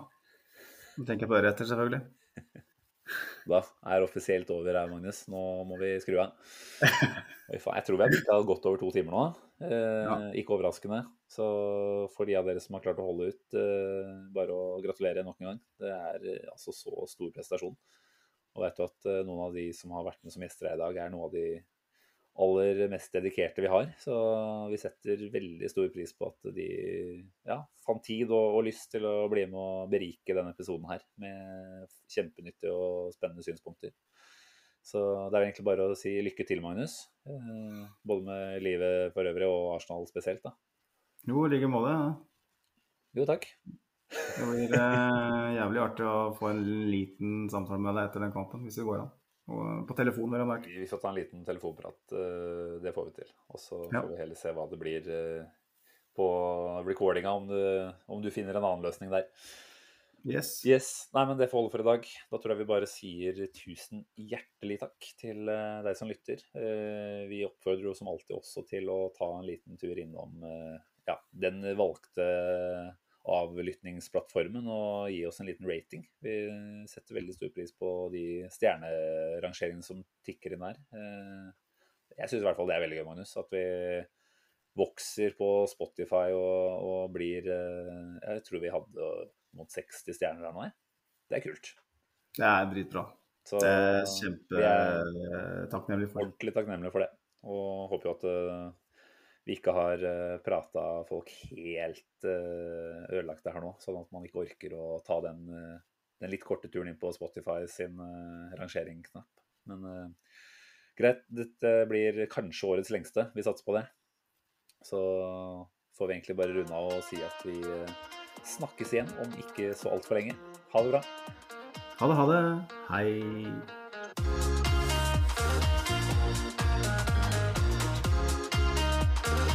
This train terminates here.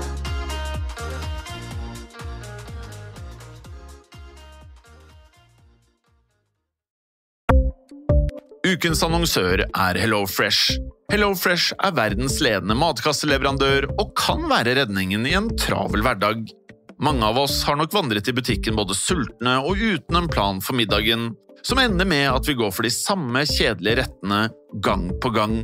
Middag burde være dagens høydepunkt. Som Hello Fresh kan du nå velge mellom 25 ulike retter hver eneste uke, eller få Hello Fresh til å sette sammen menyen for deg. Dette gir deg muligheten til å prøve nye og spennende retter alene eller sammen med familien. Du velger antall porsjoner og får alt levert på døren på et tidspunkt som passer for deg. Oppskriftene er enkle, og maten er lett å lage både for store og for små. Ved å få alt levert hjem får du også mer tid til å dele matgleden med familie og venner. Kanskje det frister med asiatiske tacos eller greskinspirert kylling? Da kan jeg anbefale deg om å gå inn på hellofresh.no. Her kan du bruke koden FOTBALL og få opptil 1779 kroner i rabatt på de første fem matkastene hvis du ikke har prøvd HelloFresh tidligere. Du kan også bruke rabatten hvis du har vært kunde og stoppet abonnementet ditt for tolv måneder siden eller lengre. Gå inn på hellofresh.no og bruk koden FOTBALL. Har du et enkeltpersonforetak eller en liten bedrift? Da er du sikkert lei av å høre meg snakke om hvor enkelt det er med kvitteringer og bilag i fiken, så vi eh, gir oss her, vi. Fordi vi liker enkelt. Fiken superenkelt regnskap.